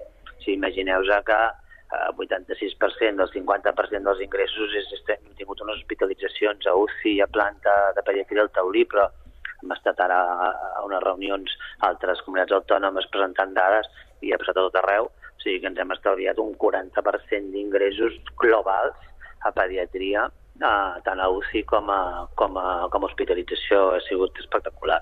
O sigui, les dades així macro eh, hem baixat un 80 i pico per cent les bronquiolitis per virus sincitial a la planta i un 80 també per cent a les UCIs, vull dir que ha sigut una mesura impressionant. Ah, per tant, podria ser també doncs, que altres comunitats autònomes agafessin el guant no? de, del que ha fet Catalunya per primer cop aquesta, aquesta temporada, aquesta campanya de, de grip i de virus respiratoris i implantar també aquest, aquest tipus d'immunització. Bueno, aquesta immunització està implantada a tota Espanya, tot, tot Espanya ho ha fet. Vale? Hi ha hagut alguna petita diferència, alguna comunitat autònoma ha començat un pèl més tard, alguna pues, ha fet a la població, una mica menys població, però tot Espanya ha posat l'anticòs monoclonal, el Beyfortus, als seus nens, als menors de 6 mesos, tots. I pel que fa a la vacunació de la grip, ha repuntat una mica perquè també en parlàvem i dèiem en, en els nens no ha funcionat. Bueno, els nens no ha funcionat com no ha funcionat amb adults ni els professionals sanitaris. La vacuna de la grip hem de fer replantejaments de com ho expliquem, de com li fem entendre a la població que és una vacuna important, perquè les cobertures, a banda de la gent més gran, de més de 75, 70, 75 anys, la resta de gent, la, la, la percentatge vacunal és molt baix. Pediatria era el primer any que ho fèiem, vacunar nens sants de 6 mesos a 59 mesos, encara no tenim l'experiència i tampoc la població no té coneixement de que és una bona vacuna per nens sants també, però bueno, la, en global la vacunació de la grip fora de, de la gent de més de 70 anys ha sigut baixíssima a, tots, a totes les poblacions. Eh? I això podria incidir, haver incidit també en el fet d'aquest repunt de, dels casos durant l'hivern o no? No, perquè això és un tema que tenim sempre. I, de fet, la grip per nens no havíem vacunat mai. Vull dir que no, mai havíem vacunat de nens. Les cobertures amb adults i amb professionals sanitaris sempre han sigut molt baixes, amb la qual eh, tenim lo de sempre. El que sí que és veritat que la grip hi ha anys que hi ha alguna mutació més important de les habituals i després en aquell any hi ha un pèl més de casos. En principi, aquest any ha sigut molt similar a, anys prepandèmics. Per acabar, doctor Pineda, a l'hivern ja fa baixada, o això sembla, eh, vivim en una primavera permanent, però bé, oficialment hi entrarem el mes, el mes que ve. Uh, hem d'esperar alguna, alguna altra onada de contagis per virus respiratoris o podríem donar ja per tancat? O sempre es pot sí. dir, mai es pot dir no? Home, amb el que ha passat els últims 3 o 4 anys no podem dir no a res, mai. eh? I a més tenim una, una experiència, mala experiència recent, no? Uh, en teoria, si, si tornem a, a anys prepandèmics, s'hauria d'haver acabat.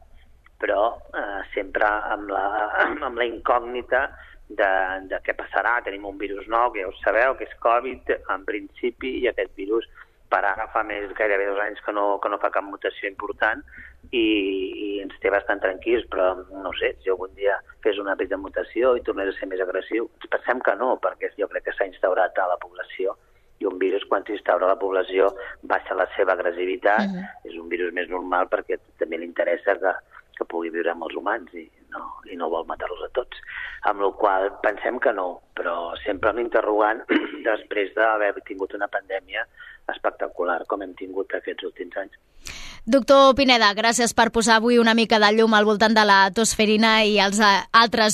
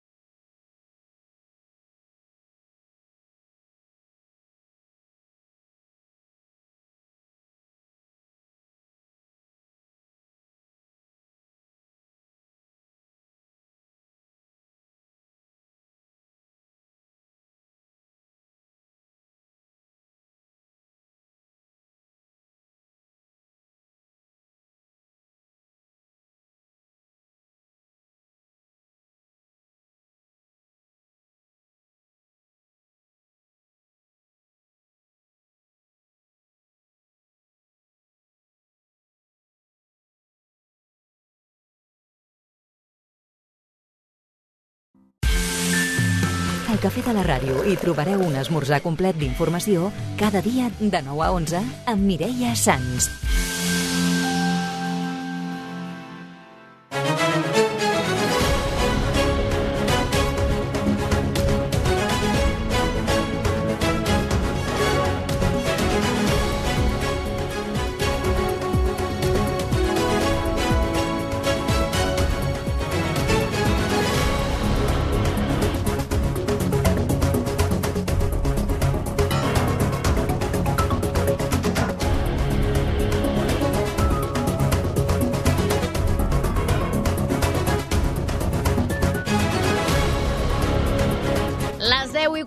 Minuts del matí. Sentiu aquesta sintonia i això és sinònim de debat de política municipal a Ràdio Sabadell l'endemà del ple municipal. Un ple amb molts eh, temes eh, sobre la taula que avui volem comentar amb els eh, portaveus municipals. Comencem saludant l'Eloi Cortés, portaveu del PSC, portaveu adjunt. Molt bon dia. Molt bon dia.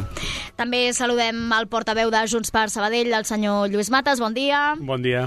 Saludem també a la portaveu de la Crida, Ana Lara, molt bon dia. Bon dia. Saludem també al portaveu d'Esquerra Republicana, el senyor Gabriel Fernández, bon dia. Bon dia. César Gil, també en aquest cas regidor de Vox, molt bon dia. Muy buenos días. La portaveu del PP, Cuca Santos, molt bon dia.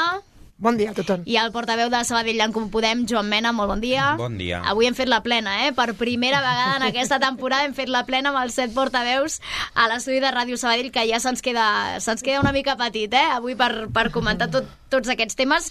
Uh, si m'ho permeten, començarem parlant de l'aigua, perquè és un tema que ens ocupa i ens preocupa, uh, també doncs, per aquesta situació de, de sequera que estem afrontant, uh, també perquè s'obria una mica o es dividia el ple uh, per aquesta baixa voluntària de l'Associació de Municipis i Entitats per l'Aigua Pública. Uh, el govern municipal portava aquest dictamen al, al ple municipal d'ahir, aquesta baixa voluntària, i per tant, si els hi sembla, començarem les intervencions amb el portaveu del PSC, l'Eloi Cortés, perquè ens expliqui qui, què va motivar a portar aquest punt i després comentarem intervencions. Els hi recordo que siguin una mica breus perquè així podrem fer una segona ronda si ho consideren oportú.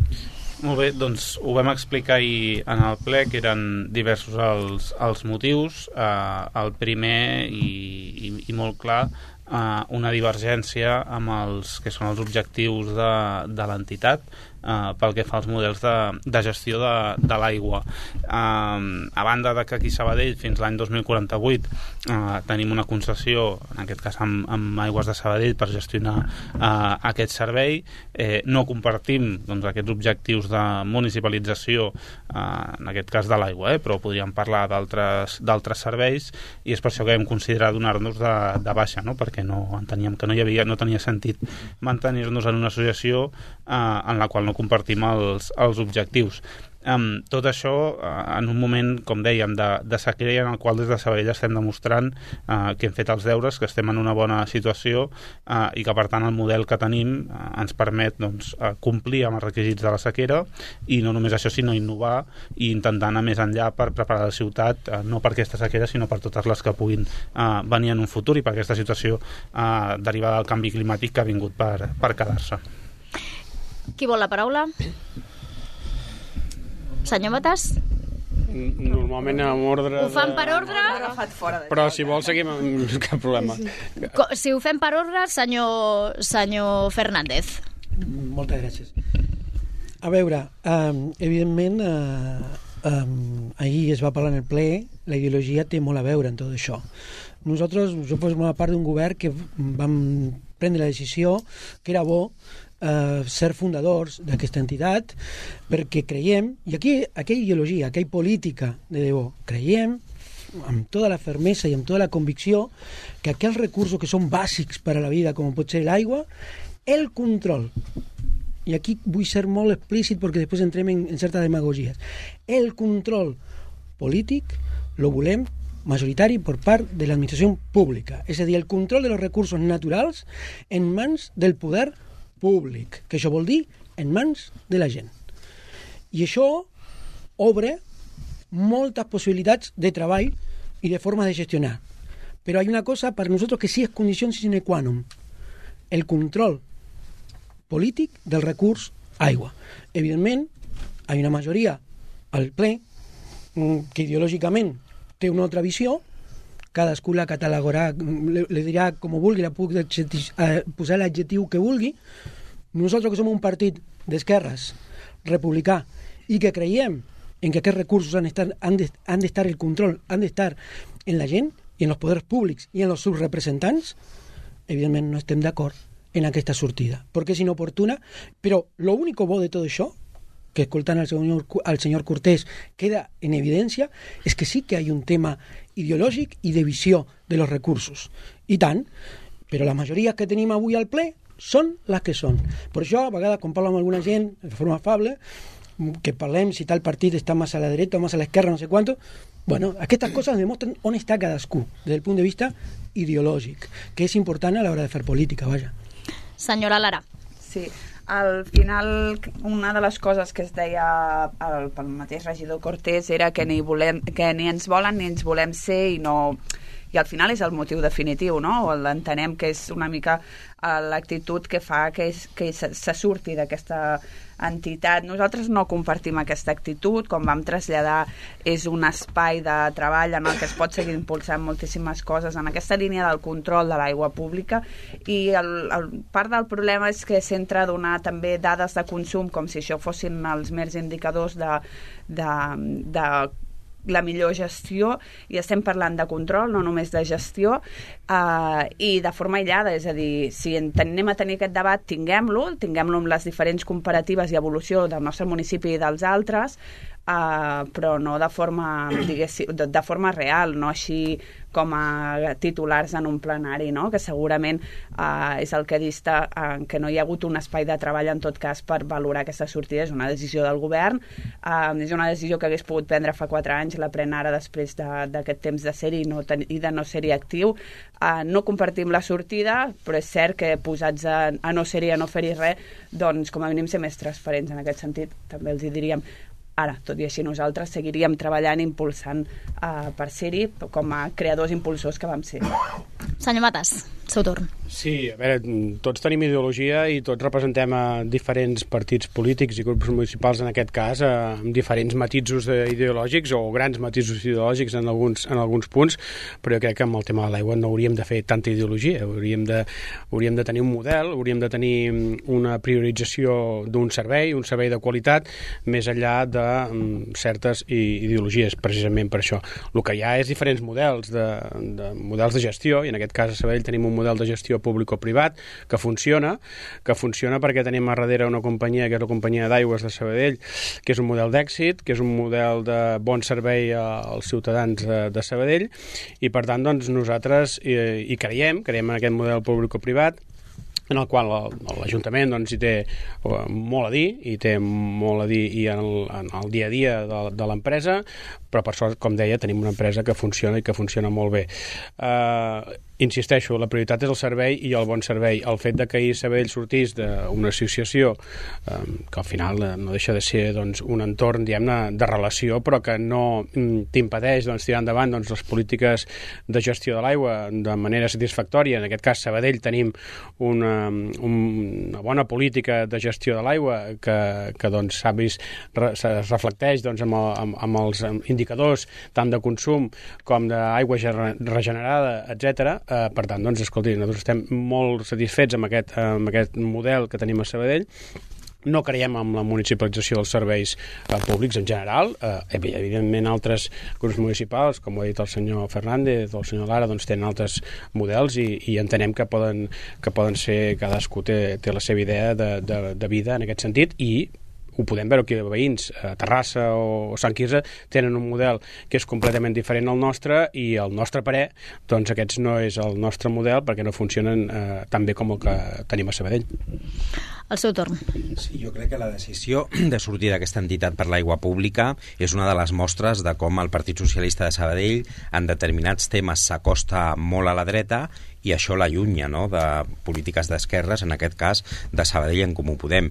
Jo crec que és un error aquesta decisió per diferents motius. Primer, pel contingut. Pensem des de Sabadell en Comú Podem que eh, els béns eh, comuns s'han de gestionar amb la màxima capacitat d'influència per part de la part pública perquè hem d'evitar que hi hagi mercantilització, hi hagi empreses que vulguin fer negoci amb un dret tan bàsic com és el dret a l'aigua, no? I després per una qüestió d'oportunitat política, és a dir, si en algun moment té sentit que hi hagi cooperació municipal entre els diferents ajuntaments per poder doncs, fer una bona política de gestió de l'aigua, és en un moment de sequera com el que estem vivint. Per tant, en un moment on jo crec que els ajuntaments haurien d'importar, d'impulsar xarxes de cooperació per veure com som capaços doncs, de regenerar més aigua, de fer tot el tema de les aigües freàtiques, de buscar solucions de tarifació social perquè no hi hagi cap ciutadà que es quedi enrere amb un element tan fonamental i tan sensible com és l'aigua, és justament ara, no? I el que fa l'Ajuntament de Sabadell és abandonar una entitat que justament treballa per aquests temes. Jo ho deia i al ple, si mirem la memòria d'aquesta entitat no només fa tasques de municipalització de l'aigua, que jo entenc que hi hagi posicions ideològiques diferents i la realitat que tenim al ple és la que és, sinó que també ha fet estudis per veure com podem fer una millor eh, política per regenerar aigua, d'aigües freàtiques, d'assessorament fins i tot als ajuntaments per poder impulsar una millor tarifació social que crec que sí que és important. I això no és incompatible amb tenir un servei que està gestionat per una empresa mixta com és l'empresa Casa, on l'Ajuntament té una participació i per tant el que nosaltres reivindiquem és que aquesta participació a l'empresa Casa l'hem d'exercir i per tant hem de saber també tenir clar de quina manera incidim en que aquesta empresa faci una política que vagi destinada a millorar el dia a dia dels sabadellencs i les sabadellenques. Senyor Gil. Muchas gracias. Eh, bueno, desde Vox lo tenemos muy claro. Es un mode el modelo que tenemos ahora en Sabadell es un modelo que funciona. Hay que decirlo así. Estamos por debajo de consumo a pesar de, la alerta, to, todavía estamos por debajo de consumo de la alerta, que marca máximo, que marca la, la, alerta, es decir, se están haciendo las cosas bien en Sabadell. Y, yo creo que al, algunos pensamos que las cosas que funcionan no deben toquetearse. Entonces, el cambiar el modelo ahora público, privado, mixto, pues es absurdo. Si el público fuese el que funcionase, ¿para qué lo vamos a cambiar? Si el mixto fuese el que es el que funciona, ¿para qué lo vamos a cambiar? Si fuese privado y funciona, ¿para qué lo vamos a cambiar? Yo creo que es una cuestión de sentido común. No hay que darle más vueltas. Pero bueno, ya que hablamos de ideología, la, sequía que se está produciendo ahora se podía haber evitado hace muchos años si no hubiese participado la ideología en el agua. Con el trasvase del Ebro tendríamos agua en todos los sitios y no tendremos que traerlas en barcos desde Valencia, o sea, desde Castellón en este caso ahora. Ese es el tema político. Porque el agua es un bien común, básico. Y el problema está que nuestros agricultores no pueden regar. El problema está que, la gente tiene que estar usando un agua carísima porque hemos evitado políticamente algo tan lógico como llevar las cuencas y, pacificarlas y repartir el agua entre todos. Y creo que es ahí donde se tienen que mirar ahora los partidos, aquellos que se opusieron a aquel trasvase, es ahora donde se tienen que mirar. Y de aquellos barros vienen estos lodos. ¿Eh? Y tenemos agricultores que no pueden regar. Y tenemos a, a sitios donde no van a poder bañarse este verano por la sequía. Y eso es lo que hay que mirar. Y pedirle a cada uno su responsabilidad. Señora Santos. Sí, bueno, voy a repetir un poco cosas que ya se han dicho, pero es verdad, si hay un modelo que funciona, no hay que cambiarlo. Y la verdad es que la empresa eh, Casa eh, es una de las mejores valoradas por parte de la ciudadanía. Todas las encuestas que se han hecho de satisfacción les dan muy buenas puntuaciones. La gente sabe que funciona bien, que trabajan bien, además invierten en I D, eh, tienen eh, eh, proyectos novedosos que, que van a, ayudar a paliar la, esta deficiencia hídrica que tenemos. Y, creo que el, el, agua es algo tan fundamental que deberíamos de dejar las desavenencias políticas y trabajar conjuntamente para, para entre todos intentar que afrontar ese ese, cambio climático que, como ha dicho eh, el señor Cortés, viene para quedarse y, entre todos buscar soluciones. Hubo una solución, como decía el señor Gil, hace años que fue el Plan Hidrológico Nacional que no se quiso en ese momento por, pues, por tensiones eh, territoriales y política ideológicas, eh, no se hizo en su momento lo que se tenía que hacer y, ahora tenemos estos problemas de, de sequía, de, falta de agua y, y, por la falta de previsión. La Generalitat tampoco ha hecho nada al respecto, sabiendo desde hace tiempo lo que se nos venía encima. Y, bueno, y lo que es el, lo que, de lo que hablamos ahora, que es el salir de esta, de esta institución, eh, realmente yo también, como, como eh, estamos en esto con el gobierno, que, que no compartimos eso de, de de, vamos, de, de municipalizar la, eh, la, empresa, porque aparte de que ya hay una, una participación del ayuntamiento, eh, funciona y lo que funciona, como ha dicho el señor Gil, ¿para qué cambiarlo? Creo que hay que empezar a, a plantearse más políticas de Estado y, y menos políticas ideològiques. Volen fer una segona ronda d'intervencions? Senyor Cortés, algú més? Sí? Vinga. Sí, ràpidament perquè um, jo, jo els nego la major perquè aquest, aquesta mena de discurs que sembla que um, hi hagi una falta de, de control, és a dir, l'Ajuntament té el 20% de les accions de Casa, estem al Consell d'Administració, i aquesta és una relació que tenim amb Casa, eh, i després hi ha la relació que tenim amb Casa com a, com a concessionària, i per tant aquí hi ha una responsabilitat de l'Ajuntament per controlar aquest contracte i uns deures de Casa per, per complir-los, eh, i això se segueix al, al peu de la lletra. I per tant, jo crec que aquests dos elements ajuntats amb la sensibilització de la ciutadania és eh, el que ens indiquen o el que ens donen eh, aquests bons números que tenim a, a Sabadell, que jo els reivindico, sobretot per comparar-nos amb municipis de, de l'entorn que tenen aquesta gestió 100% pública de l'aigua que alguns volen i que de moment, amb les dades, no ha demostrat que sigui més, més eficient que, que la que tenim aquí a, a Sabadell. Um, I després, uh, parlant de la cooperació municipal, és que nosaltres ja ho fem, senyor Mena, l'art metropolità ha liderat diverses eh, propostes davant de la Generalitat, el que dèiem ahir, intentant posar-li llum en un govern que sembla que com no, no sap ni aplicar el seu propi, el propi pla de la, de la sequera.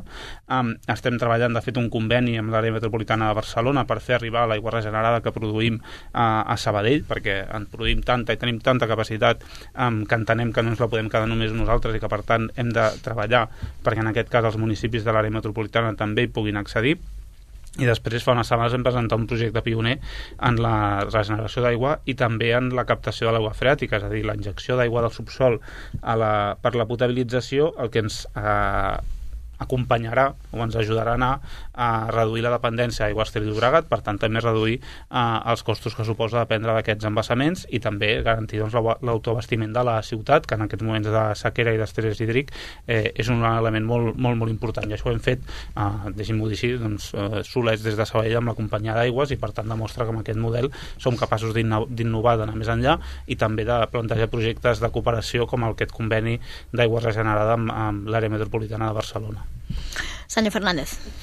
Havia demanat la paraula Lara o, o no? Uh, si volen... Comença, comença. Començo? Ho fem per ordre i així sí. no trenquem l'ordre. Vale, d'acord, d'acord, d'acord. Doncs, uh, a veure, aquí s'han dit moltes coses que evidentment no és impossible aprofundir i que són de, eh, bàsiques i que, i que és molt difícil poder-les explicar en un minut o dos què és el que tenim. Uh, per tant, uh, l'únic que li puc dir als oients és de, de moltes de les coses que s'han dit aquí, jo estic una mica flipat del nivell de superficialitat d'algunes de les afirmacions que s'han fet. Uh, jo, nosaltres lo que defensem és una, evidentment, el control públic de los recursos com és l'aigua. Això no vol dir que Casa no esté fent les coses correctament. No, Ta eh, també ho hem de dir, eh, eh, paguem, eh? estem pagant, no, no ho fa, no és una ONG que fa les coses per amor a l'art. Eh? No, no, és una empresa que té uns beneficis, que de fet la propietària és una transnacional, Suez, i això és el que jo no, no estaré mai a favor de polítics que diguin ai, ai, ai, ai, ui, ui, ui, ui, si esto funciona no lo toques. No, tu obligación como polític és anticipar-te a los temas, anticipar-te i buscar solucions abans que pugui haver problemes. Avui, la situació i el treball mancomunat de fa molts anys amb la companyia és bo, però és cert que l'Ajuntament té un 20% de les accions i Casa Suez té el 80%. I les empreses transnacionals, quan decideixen que alguna cosa no dona, marxen. i te diuen adeu. I no t'explicaran ni diran, ai, mire tot el temps que l'hem passat tan bé junts, treballant junts. No, no, s'ha acabat i s'acaba. Per tant, nosaltres el que defensem és, sense renunciar a la col·laboració público-privada, perquè no tenim per què renunciar, si volem el control majoritari de l'aigua, la, de del recurs aigua. I això hauria de ser una feina que hauríem de treballar amb, amb vista al futur, perquè a més a més tenim una concessió molt llarga. I per això sortir que és el tema que estem discutint, sortir d'aquesta situació és una mala idea, perquè entre les coses que també se podien haver treballat en altres és com avançar en aquesta visió que tenim. I tant que és diferent a la que tenen altres. Per això són partits diferents i per això tenim ideologies diferents. Però la que nosaltres creiem i considerem que és la millor per garantir el futur de los veïns de la ciutat i no només de la ciutat, perquè el, el tema aigua és de país i m'animo a dir que és continental i mundial, perquè les crisis que estem tenint, eh, jo lamento molt escoltar el canvi climàtic ha vingut per quedar-se. Oiga, i no farem res per frenar-lo? Està en les nostres mans poder frenar això o fer-lo retroceder. Però sembla que no. Bueno, nos hem d'acostumar a lo que hi ha, no? Hem de lluitar per combatre els efectes d'aquest canvi. El tema que s'ha parlat, i no sé si estic acabant, acaba, eh, sobre, sobre tot lo de... Lo, Breument. Sí, sobre, lo, sobre los pagesos i tot això, eh, eh, seria tot un, un tema de debat. Per què nos falta aigua a los pagesos? Parlem de sobirania alimentària. Parlem de qui és el que realment necessita l'aigua i el gran consum d'aigua en aquest país i per a què. Perquè no és per abastecer l'alimentació de, de los 8 milions de catalans. Hay necesidad de aigua per poder vendre, vendre i exportar aliments que no són per aquí. Llavors, això és una altra història. Per tant, és un tema molt gran, acabo aquí. Sí, perquè si no li hauré de retallar després sí, a la següent intervenció. Però... Senyora Lara, ara sí. Sí, bàsicament només per puntualitzar dues coses. Una, pel tema de sequera, um, la sequera la tindríem igual. Vull dir, la sequera hi és, uh, vingui d'on vingui l'aigua una mica, no? Llavors, separar els dos temes perquè no és el mateix l'estrès hídric, que sí que s'ha puntualitzat, que, que, el, que, el, que el concepte d'on ens ve l'aigua i aquesta sequera. Ah, I d'altra banda, també apuntar que és veritat que Sabadell genera més aigua regenerada del que consumeix ara mateix. Potser el que cal ampliar és el debat d'on pot anar això. Nosaltres sí que no compartim, per exemple, que en aquest cor, en aquest marc d'acord doncs no podem fer seguiment, doncs, per exemple, o no s'ha establert límits en si aquesta aigua després eh, podria acabar regant un camp de golf, que com sap el govern ja és una preocupació que hem traslladat. Um, entenem que tal com s'ha fet l'acord s'escapa una mica de, del, del marc municipal, però sí que hauria de ser una preocupació política també, perquè aquesta aigua regenerada, evidentment, uh, té un cost fer-la, però també uh, hem de decidir, s'ha de prioritzar cap a on va, no? I aquí sí que nosaltres doncs, faríem un apunt perquè valorem que hi ha més espai i marge de treball en aquesta línia. Senyor Mates, vol intervenir? No? Doncs passaríem al senyor Mena. Sí, jo molt ràpid, perquè s'han dit ja moltes coses de les que compartim. El primer de tot, jo crec que, mm, tal com deia el senyor Cortés, el govern de la Generalitat no ha fet una bona gestió de la sequera, entre d'altres coses perquè s'han imposat restriccions al sector de l'agricultura, s'han imposat restriccions al sector de la ramaderia i, en canvi, no s'han posat restriccions al turisme, no?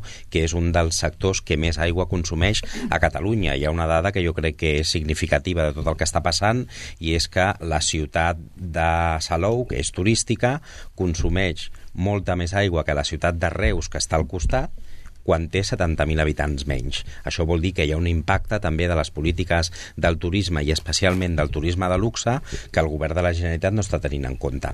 Això, amb això vull dir que la gestió de l'aigua i de la crisi que estem vivint des del punt de vista de la sequera és una gestió que no la podem fer des del punt de vista exclusivament municipal. Per tant, aquesta mirada que ha dit el senyor Cortés és que això ho hem fet nosaltres sols crec que és on està l'error.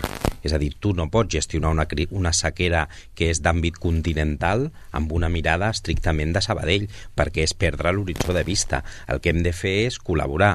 I si també s'està fent la feina a Sabadell des del punt de vista de l'aigua, doncs aprofitem-la perquè d'altres ajuntaments també doncs, puguin treure rèdit d'aquests aprenentatges, no? que l'entitat de la que hem abandonat, que vull recordar que el debat és aquest, no? que abandonem sí. una entitat que treballa per l'aigua pública, doncs uh, un dels seus objectius és justament això, aquest, que els ajuntaments tinguin doncs, un banc d'experiències perquè que estalviem aigua o que sapiguem invertir l'aigua o gestionar l'aigua d'una altra manera a Sabadell, però que la resta de l'àrea metropolitana no ho faci, doncs patirem tots, perquè al final l'aigua ve del mateix lloc, no? I per tant, el que hem de garantir és que aquestes polítiques de cooperació municipal siguin exitoses i això passa perquè hi hagi entitats que promocionin la col·laboració dels diferents ajuntaments, la, co la cooperació dels diferents ajuntaments en el lideratge de l'aigua com un bé comú, no? I aquí és on nosaltres tenim la discrepància amb el Partit Socialista. Després ja, ja ens podrem entendre o no de quina manera eh, concessionem no, l'empresa o el servei que ha de gestionar l'aigua, però del que hem de parlar són de les polítiques de cooperació amb un tema tan fonamental i que afecta directament a la vida de la ciutadania com és l'aigua, perquè, clar, ens podem trobar aquest mateix any que al mes d'agost hi hagi restriccions a moltes ciutats de Catalunya, i això ho patirem a la ciutadania, i això ho patirà el país, això ho patiran els diferents sectors productius, que crec que és una mirada que també hem de saber posar necessari, no només, com jo deia abans, el turisme, sinó que la indústria depèn de l'aigua i per tant si hi ha restriccions d'aigua això pot anar vinculat a un seguit doncs, d'expedients de regulació d'ocupació perquè no se poden donar cabuda doncs, a la producció que necessita a cadascuna de les empreses i per tant necessitem una mirada més global i no només en clau local. Senyor Gil. Bueno, pues abundando en lo que decía el señor Fernández, evidentemente el tema del, agua es un, es un tema de país. Eh, tenemos un país eh, con clima mediterráneo, con clima, continental, con varios tipos de clima y tenemos que, que estudiar las formas de, de dinamizar esto para que no haya problemas en las zonas mediterráneas, se producen ciclos de sequía, ciclos torrenciales, etcétera.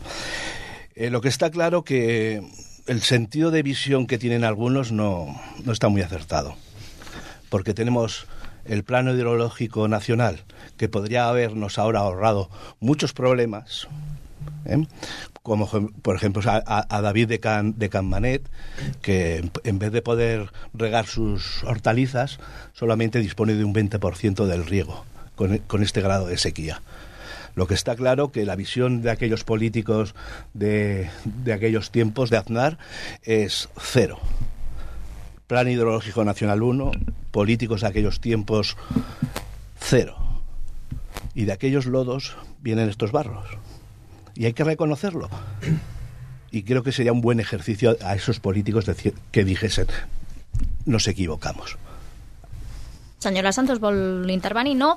Doncs si els sembla tancaríem aquest capítol perquè si no no podrem abordar d'altres temes i els hi avanço que el senyor Joan Mena i el senyor Gabriel Fernández han intervingut una mica més, el senyor Matas no i per tant haurem de compensar aquestes intervencions després. Un altre tema que també divideix perquè avui anem d'això, de, de, de coses que els diferencien a tema dels pisos, una moció en aquest cas que presentava la crida per Sabadell i que es va també modificar durant el ple, es va modificar aquest text doncs doncs, eh, per aconseguir que, que la proposta sortís endavant. Comencem per la intervenció de la senyora, Lara, senyora Ana Lara i llavors farem la resta d'intervencions per, per ordre.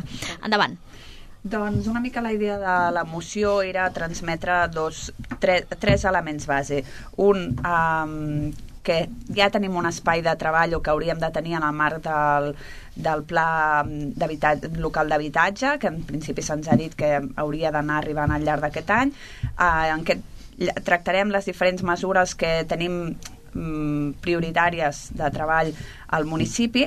Per altra, eh, la idea que transmetíem de la necessitat d'articular mecanismes d'expropiació de, i amb això uh, ho enteníem de forma extensa, és a dir, això necessitem articular-ho perquè pugui passar, necessitem que passi, i un tercer bloc, que és necessitem aquest compromís um, extès i que hi hagi un bloc municipal, no? i per això un dels acords també era traslladar-ho a la resta de municipis, municipis catalans una mica per generar aquesta pressió, perquè sabem que si bé de vegades s'articulen en, en, hem parlat ja de l'art metropolità avui, uh, sí que consideràvem que aquí havia d'haver-hi una pressió molt més extesa i d'un àmbit més ampli. Hi havia un acord que vam eliminar, que parlava més, més explícitament de les expropiacions vinculades a aquells pisos uh, turístics, com ja es plantejava abans, uh, el turisme té un impacte molt profund en conseqüències directes que vivim, en el tema de l'aigua, en el tema de l'habitatge també, i, i no volem menys tenir-lo, no? No tenia prou consens i en tot cas generava més dubtes per com estava plantejat, perquè hi havia un element de temporalitat que hi posàvem, per això vam retirar aquest acord una mica en, amb la idea de que en tot cas són debats que poden anar per separats i per tant doncs, apostàvem doncs, per seguir endavant amb la moció, però que no hi hagués aquest segon acord. La voluntat eh, és seguir esti estirant del fil, som conscients de que, hi ha, de que hi ha eines disponibles però que no han estat suficients per seguir avançant. Posàvem alguns de, de, dels exemples com el tempteig i retracte, les sancions també per pisos buits i per tant la nostra aposta és seguir apretant en tot allò que, que, que es pugui des de l'àmbit municipal, no? i per això aquesta aposta eh, conjunta. Uh, fèiem aquesta moció, també es van dir alguns elements com, evidentment, aquesta moció um, parla d'expropiació i per tant sabem que no es comparteix per part de tots els grups municipals però sí eh, entenem que, que pel desplegament d'aquestes mesures eh, passen posen per davant el dret a l'habitatge i per tant doncs, eh, és que el problema és que ja s'ha confrontat a la inversa no? i hem vist com el dret a l'habitatge passava per sota del dret a la propietat privada sempre i el dret al benefici de, de, de les entitats bancàries sempre per darrere i per tant una mica el que fem és posar-lo per davant eh, i la necessitat de que treballem aquest àmbit. Comencem les intervencions de major a menor. Senyor Cortés. Molt breument, en tot cas, amb el canvi aquest, nosaltres hem canviat la nostra posició de vot perquè la part dels pisos turístics ja vam explicar que ens generaven molts, um, molts dubtes per l'aplicació pràctica i, i aquí també hem de ser, ser honestos, no? plantejar uh, propostes que, que siguin realitzables um, i la part, uh, el primer acord que és l'expropiació dels habitatges buits de grans tenidors de fet la normativa actual ja ho preveu. Uh, la qüestió és com arribem a executar-ho eh, i, i també des de la perspectiva municipal eh, per la, el volum de recursos que segurament s'han de destinar per aconseguir un sol habitatge, no?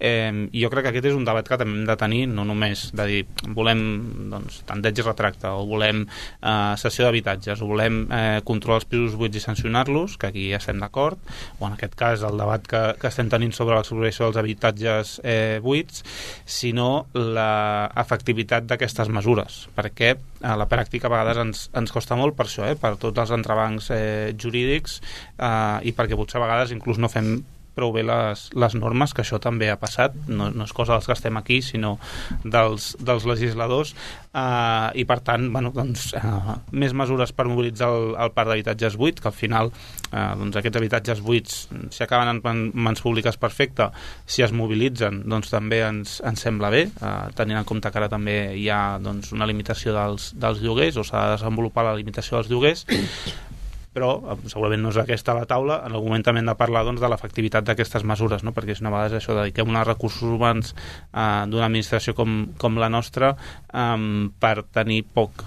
èxit o, o èxit relatiu i per tant és un, un aspecte que també hem de treballar per, per millorar. Senyor Fernández. Gràcies. Um, realment va ser una moció per nosaltres uh, rara raro perquè bueno, cada, cada grup evidentment té la llibertat de fer les coses com vulgui nosaltres tenim per costum, perquè som conscients que tenim tres regidors de 27 que si volem aprovar alguna cosa el primer que hem de fer és parlar amb, amb la resta. Això és el primer dos, eh, allà i sense anestèsia canvia la moció en el mateix moment que es presenta. Havia tres acords per tant, però cada, repeteixo, cada grup sap com fa les coses i com vol construir eh, majories i, i, i aprovacions. Al final, com queda la moció? Bueno, realment el punt, el punt que tocava a l'àmbit municipal s'ha retirat. El punt que s'ha aprovat, que és el número 1, és un punt que mm, ja lo ve executant, ara el senyor Cortés lo deia, ja lo ve executant la, la Generalitat de Catalunya. Ahir el, el regidor eh, Valls explicava perfectament que va ser algo que va impulsar l'exalcalde d'aquesta ciutat, Juli Fernández, com a conseller de territori, val? l'apropiació eh, de pisos de grans tenedors. Concretament, se van iniciar els procediments en 14 municipis, són 90 pisos aproximadament, que estan afectats.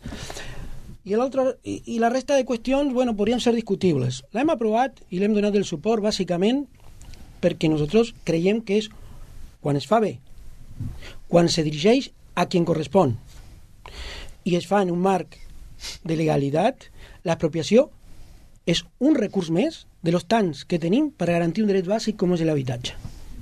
Un dret a la vida és l'habitatge. Per tant, és un més. I tal com ha quedat la moció, que al final queda en un punt únic que, re, que ja està, lo està fent el govern de nostre partit, evidentment no, le, no, no votarem en contra ni ens abstindrem en algo que nosaltres ja estem fent i per tant, eh, i que creiem que cal seguir desenvolupant, impulsant i desenvolupant des del punt de vista mm, de la llei eh, des del Parlament de Catalunya mm, procediments administratius i, i lleis que facin que aquesta mm, acció del govern sigui plenament legal, sobretot per garantir eh, i perquè a ningú se li vulneri cap dret i que se pugui dirigir allà on correspon. En, per exemple, en aquest cas, als grans tenedors que no compleixen que no compleixen amb eh, obligacions, com per exemple la d'un percentatge d'habitatge social que haurien de donar aquests grans tenedors a la societat. I per això l'hem votat, i, bueno, eh, però bueno, són d'aquestes mocions que, que, que està bé, ahir jo defensava les mocions que, que, que també apunten a, a, a temes més filosòfics, està bé, està bé, i per això hem donat el vot, perquè l'acord que s'ha votat és el que és i no és més que això. Senyor Matas. Doncs miri, eh, fem debats eh, sobre l'aigua i la sequera en, dos minuts, fem debats sobre el, la necessitat de fer créixer el parc d'habitatge públic en dos minuts i tot això és molt complicat i, i costa de fer arribar a la, als ciutadans de Sabadell o en tot cas a tota la gent doncs quins són els nostres models i quines són les solucions. Primera, perquè no som experts en, en res i segona, perquè és molt complicat fer-ho amb, el, amb el poc temps que tenim. En tot cas, nosaltres el titular de, de la crida ens agradava perquè en defensa de mesures urgents per fer créixer el parc d'habitatge públic, aquest era el titular, el que passa que llavors quan rascàvem una mica eh, i anàvem al, al punt 1 eh, ja parlava d'expropiació, per tant això jo crec que ja tensiona una mica el poder arribar a acords amb, amb la voluntat de, de, del titular, eh, de fer créixer el parc d'habitatge públic. Ens centrem en les solucions i en les diverses mesures que podem tirar endavant perquè nosaltres volem aconseguir un habitatge de qualitat i digne per a tothom, això és evident, pels joves, per persones grans amb situacions de solitud o dependència per persones amb diferents problemàtiques, sigui per salut mental alguna capacitat diversa i per descomptat per a persones i famílies amb risc d'exclusió. I amb això estem d'acord amb algunes de les propostes que jo crec que tots compartim, eh, de que cal fer un pla d'habitatge dotacional de lloguer, amb sol de totalitat pública, o utilitzar patrimoni municipal en desús, o fins i tot analitzar quins solars buits o nous o plantes baixes i comercials podem convertir en, en habitatges. De fet, hem de garantir, doncs, com deia, doncs, polítiques d'habitatge que protegeixin els més vulnerables i amb això doncs, podrem fer diferents iniciatives abans d'arribar a aquests titulars d'expropiació que són una mica radicals i que nosaltres no compartim perquè quan parlem de grans tenidors, que ara ja grans tenidors són el que té cinc pisos, que cinc pisos pot ser que hi hagi algun treballador, algun autònom o algun, qualsevol persona doncs, que pugui haver estalviat al llarg de la vida els seus recursos per a la futura jubilació, per compensar doncs, eh, doncs les mancances de, que pugui tenir en el, en el seu futur quan sigui gran, doncs que pugui tenir dos, dos pisos, eh, o li hagi comprat un pis al fill o hagi eh, tingut una herència. Per tant, doncs, si ens fiquem el focus amb, amb grans tenidors que tenen cinc eh, propietats, doncs nosaltres també creiem que és excessiu, eh, perquè això, de fet, ha baixat. Eh? Una cosa és els fons, els grans voltors, una altra cosa són els, els grans tenidors que Gran Tenidors és el que té 5 habitatges. I en tot cas podríem impulsar rentes de suport a emancipació, una prestació econòmica que ajudi persones joves amb pocs recursos eh, per poder pagar el preu de lloguer, podríem crear un parc d'habitatge públic de lloguer social destinat específicament a joves a partir de l'impuls d'un pla nacional d'habitatge que inclogui l'avaluació específica d'emancipació, també podríem aprofitar el potencial de la col·laboració pública-privada per ampliar el parc d'habitatge de lloguer assequible, cedint gratuïtament als promotors eh, doncs, el públic a canvi de construir pisos de lloguer lloguer a preu raonable i també que, permet, que permetin doncs, un benefici suficient a un promotor a un preu ajustat eh, per als llogaters. I finalment, doncs, aquestes poden ser algunes d'aquestes propostes, aquestes mesures que tothom en aquesta taula doncs, podia arribar a estar d'acord, però per nosaltres el dret de propietat privada és un dret fonamental i per tant doncs, el propietari no pot ser l'únic subjecte obligat a dur a terme una acció assistencial que correspon també a l'administració i l'objectiu final és fer més habitatge públic i en aquest sentit jo crec que hem de lluitar tots i, eh, en aquest eh, objectiu comú. Senyor Mena, enfoquin sí. bé les intervencions perquè sí. si no, després al minut d'or ens quedarà una mica escuet. Jo, senyor Mates, no conec cap treballador que tingui més de 5 pisos en propietat. Jo no sé si potser ens relacionem amb mons diferents, que segurament això és una part important, però jo no conec cap persona treballadora que tingui en propietat més de 5 pisos. Dit això, jo, sí. jo crec que hem de... Segurament ens, ens movem en mons diferents. Jo no, això no, no ho dubto. Uh, el, el, el, tornant, tornant al debat, la figura de l'expropiació és una figura que està permesa per la normativa, que la contempla la llei i, és més, la contempla la Constitució. I miro a la meva dreta perquè sempre posen per endavant el paper no, de la propietat privada, és que és la pròpia Constitució la que diu que l'interès general està per sobre de la propietat privada. I si alguna emergència tenim, tenim en aquest país és justament l'emergència habitacional, que hi ha gent que està vivint al carrer, per diferents qüestions i tots coneixem encara perquè encara es produeixen en aquesta ciutat cada dia un o dos desnonaments de famílies en situació de vulnerabilitat sense alternativa habitacional que aquesta és la part que a nosaltres ens preocupa i contra això hem d'actuar. I contra això només es pot actuar amb valentia amb polítiques valentes, perquè si no anem posant pedaços que no solucionen el problema d'arrel.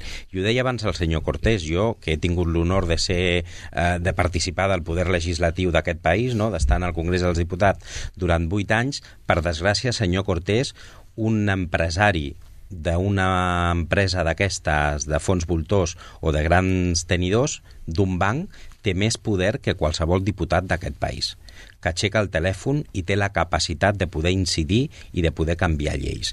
I contra això jo crec que hem de fer alguna cosa, les persones que creiem en la política com una manera de poder resoldre els problemes que té el conjunt de la ciutadania. Per tant, el problema no són les lleis que estan millor o pitjors fetes. El problema és que hi ha uns poders al darrere que tenen la capacitat d'incidir en quin tipus de lleis s'acaben aprovant en aquest país. I jo crec que contra això és contra el que pretenia la moció de la Crida Anar i per això nosaltres la vam votar a favor. Segurament teníem dubtes i ho vam expressar en el ple sobre la forma concreta en la que s'havia de descriure, però com que també enteníem que no era una competència de l'Ajuntament, que no és una competència municipal, està clar doncs, que la voluntat política de treballar i de fer tots els esforços possibles amb tota la valentia possible perquè el parc d'habitatges públic, no només d'aquesta ciutat, sinó del conjunt de, de, del país, doncs creixi, em sembla que és una obligació que tenim també les persones que estem fent polítiques. Dit això, i amb això acabo, sí. a nosaltres, més enllà de la moció, el que ens preocupa és el pla local d'habitatge que és on sí que podem incidir des del punt de vista municipal per poder tenir polítiques públiques que incrementin el parc públic d'habitatge que en aquesta ciutat és deficitari. No? I per tant nosaltres ja hem preguntat alguna vegada i ens agradaria doncs, que el govern obrís aquest debat perquè crec que els grups municipals també tenim, hem de tenir l'oportunitat, encara que estiguem a l'oposició, de poder fer propostes i de poder incidir en aquest pla local d'habitatge que jo crec que la ciutat el necessita. Senyor Gil. Bueno, pues estamos en, en, esa típica frase que se dice que los políticos son aquellas personas que crean un problema y después se presentan voluntarios para solucionarlo. ¿Tenemos un problema de hábitat aquí en España? Pues sí, lo tenemos, muy grave. Eh, el problema está es que la, toda la legislación que se está haciendo a, lo, lo, que hace es agravar el problema. Eh, está claro que es un sinsentido decirle a una persona que tiene su piso en propiedad donde vive y el piso que ha de sus padres, que lo ponga en alquiler cuando se le puede poner una persona legalmente alquilada con todos sus papeles, con su contrato, dejarle pagar a los dos meses y enfrentarse a un proceso de dos, tres años para poder hacer un levantamiento de esa propiedad. Un alzamiento, perdón, un alzamiento de esa propiedad. Nosotros creamos el problema y después nos ofrecemos para solucionarlo. En Vox lo tenemos claro. La seguridad jurídica es una pieza fundamental del mercado de alquiler y de, la venta de pisos. Si usted, no hace un contrato en condiciones y no asegura su propiedad, no va a querer comprar ese, bien. Si no, es que esto es de un amigo, no, eso no funciona. Si una persona tiene una, propiedad para alquilar y no está segura de que, de que ponerla en el mercado va a ser pues un negocio o una cosa que por lo menos no le va a traer problemas de cabeza, no va a alquilar. Por lo tanto, ¿por qué hacemos unas leyes que favorecen al inquiocupa, al ocupa ilegal Es así. Creamos el problema y después nos ofrecemos para solucionarlo. ¿Qué es lo que hay que hacer? Crear seguridad jurídica. Oiga usted, existe una ley, se cumple y ya está, no hay que darle más vueltas. Incentivar el alquiler, con excepciones fi- fiscales. Oiga usted, ahí es donde el Estado puede actuar, ahí donde los políticos pueden actuar. Haga atractivo alquilar. Haga atractivo alquilar como arrendatorio y como arrendador. Es que no hay que darle más vueltas. Tiene el- el- las administraciones públicas tienen que fomentar la protección oficial, los pisos, los pisos, los pisos asequibles, que liberalicen el terreno, que el, que el precio del terreno no suponga el 20% del precio final. Eso, es lo, eso son cosas de sentido común, es que no hay que darle más vueltas. Senyora Santos, per tancar la ronda, si algú vol fer alguna intervenció sobre aquest tema, l'haurà de fer en el minut d'or perquè ens hem quedat sense temps i no tindrem temps de fer la ronda sencera de nou, ¿vale? Yo, si no te importa, es que me tengo que ir, que tengo a las Doncs una reunión, acabi, ya lo he dicho. acabi. Entonces voy a utilizar mi minuto de oro Doncs un poco ahora, que solo he intervenido una vez. Y... Dos minuts més l'afegit del Sí, minut d'or, tres. Exacto. Eh, bueno, decir que eh, hay, el problema principal que tenemos eh, el, parque de, el parque de vivienda pública a nivel nacional fue que durante muchos años se hizo vivienda pública de venta de adquisición, de venta, no de alquiler.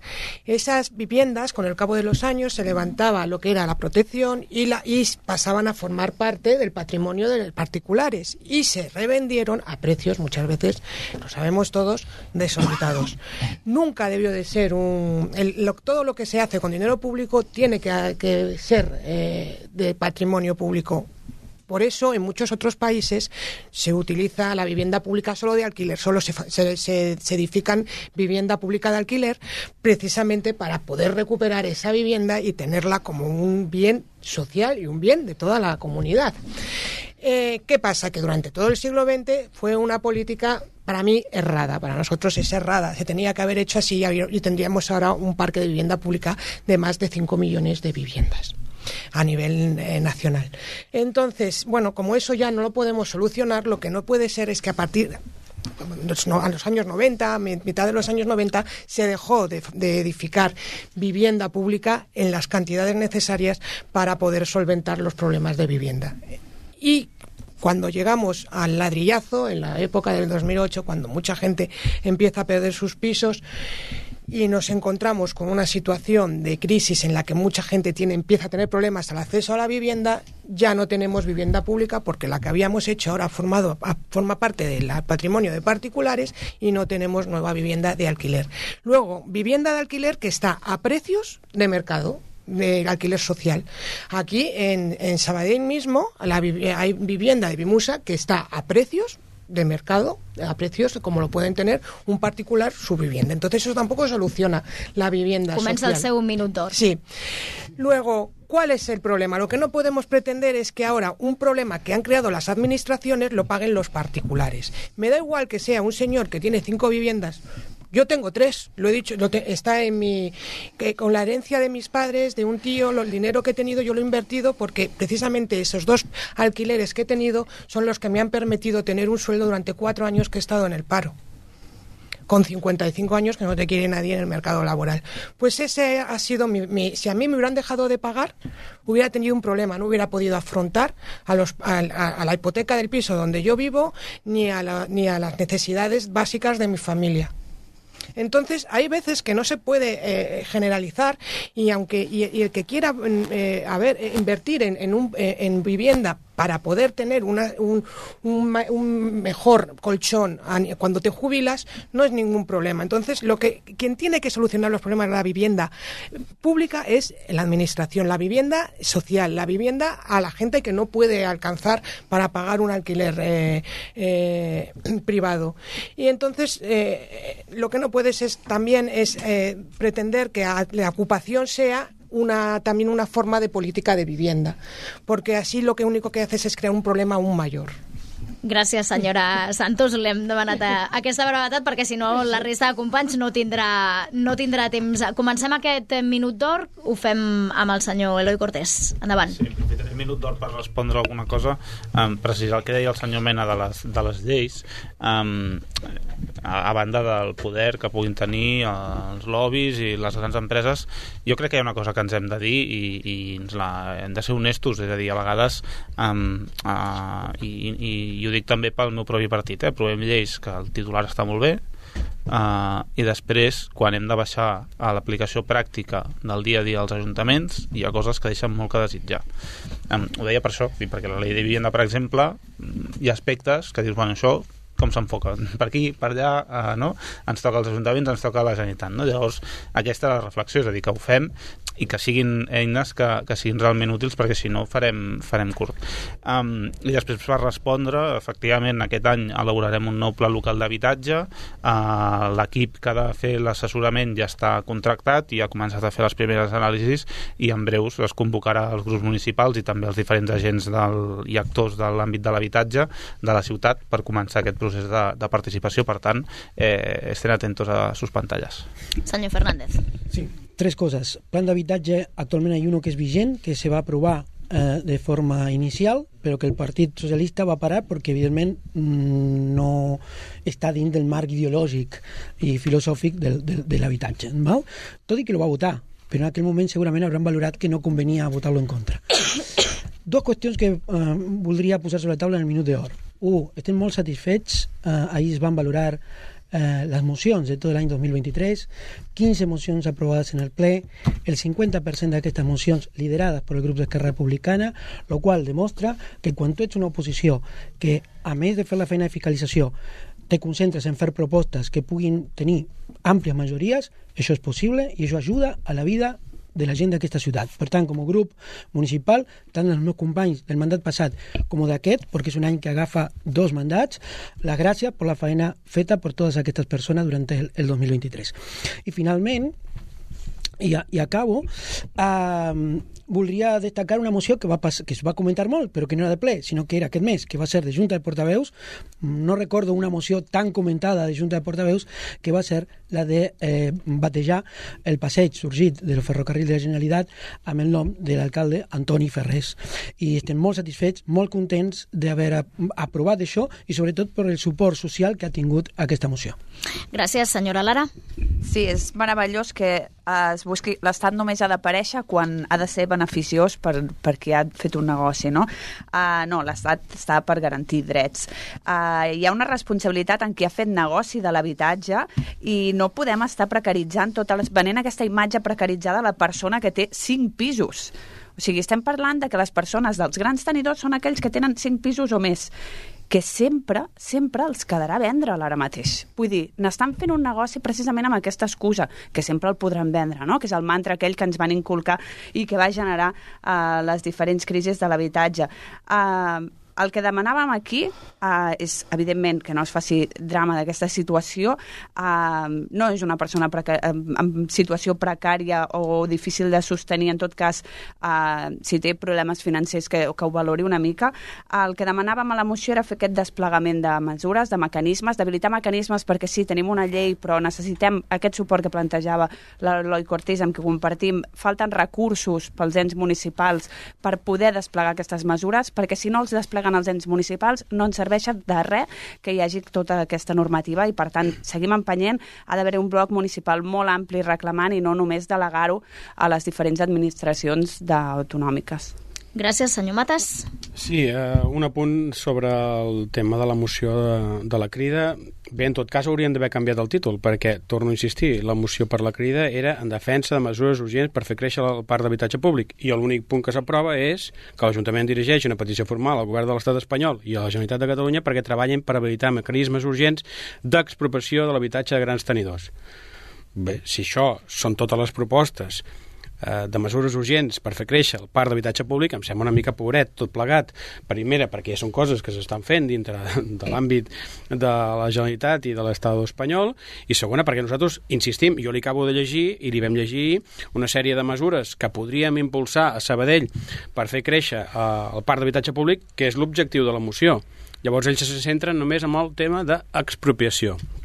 I nosaltres n'hem dit moltes, que no les repetiré, d'incentivar doncs, eh, la construcció d'habitatge públic, d'incentivar el lloguer, de no deixar ningú enrere, de un pla d'habitatge tradicional, etc etc. Per tant, eh, nosaltres de mesures en tenim moltes, les vàrem posar sobre la taula i no ens quedem només amb el titular de, mm, de lo que es va votar ahir, que era d'expropiació de l'habitatge buit.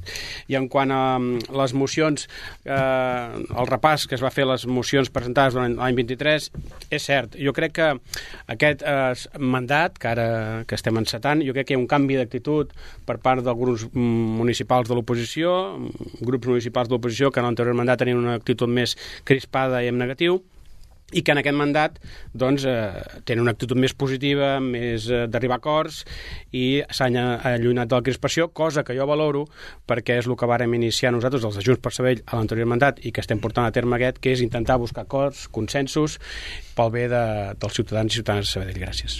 Senyor Mena. Sí, jo dues coses. Nosaltres vam deixar sobre la taula una moció que portaven sobre polígons d'activitat econòmica, que em sembla que és també una moció interessant, perquè l'altre element que també hem de situar en l'horitzó d'aquesta ciutat és el procés o l'estratègia de reindustrialització que necessita Sabadell, i la vam deixar sobre la taula perquè l'estem negociant no, amb el govern i, per tant, perquè tenim voluntat que les mocions que fem siguin útils pel conjunt de la ciutadania i s'acabin aprovant, no? i per tant puguem també incidir amb, amb, el, amb el pes que tenim cadascú en el ple de l'Ajuntament doncs, en les polítiques municipals, no? perquè crec que al final aquest és el mandat que tenim també eh, per part de la ciutadania. I per altra banda, crec que va haver-hi una moció molt important en el ple, que va ser la moció sobre l'Andreu Castells, que és una moció doncs, que hem conegut eh, la situació, no la deriva que ha tingut aquesta, aquesta escola en els últims temps, i dic que és una moció important perquè a mi m'agrada veure el compromís de la gent en defensa defensa de l'educació pública, no només perquè vingui d'aquest àmbit, no? sinó perquè crec profundament en l'educació pública com un element per poder reequilibrar els desajustos i les desigualtats que hi ha a la nostra societat i per tant doncs, nosaltres ja vam expressar el nostre compromís de posar-nos a disposició de la comunitat educativa, no només de l'Andreu Castell, sinó de tota la comunitat educativa de l'Escola Pública de Sabadell i per tant hem de continuar treballant per fer d'aquesta ciutat una ciutat d'èxit des del punt de vista educatiu. Senyor Gil, per acabar, eh, para acabar, eh, que se nos acaba el tiempo. Sí. Eh, tres cuestiones. Eh, ayer presentó una moción Vox, ya vemos que ningún partido quiere hablar, ninguna radio quiere hablar, aunque sea pública. Eh, es un aquí, partido es, el per, per explicar-la. Sí, eh, eh, no, tengo tres cuestiones. Es, eh, ahora estamos viendo imágenes aquí en el estudio. Presentó Vox una moción en apoyo a nuestros agricultores, que están sufriendo las consecuencias de una agenda climática histérica, histriónica e irreal. Eh, todo el mundo sabemos que el clima cambia. De hecho, salimos ahora, en, a, a, mediados del siglo XIX, salimos de, de una pequeña edad de hielo. O sea, todo el mundo sabemos que el tiempo cambia. La cuestión es ¿Qué hacemos con ese cambio? ¿Podemos pararlo, no pararlo, mitigarlo? Bueno, hay un, para los, para los forofadictos de, de la Agenda 2030, hay un manifiesto de los 1.600 intelectuales, entre ellos dos premios Nobel, que nos están diciendo que todo esto es un cuento. Que el cambio climático existe desde siempre. 30 segundos, ¿eh? Segunda cuestión. Y bueno, como a nadie le interesa hablar porque lo dice Vox, pues bueno, pues no hablaremos de ello.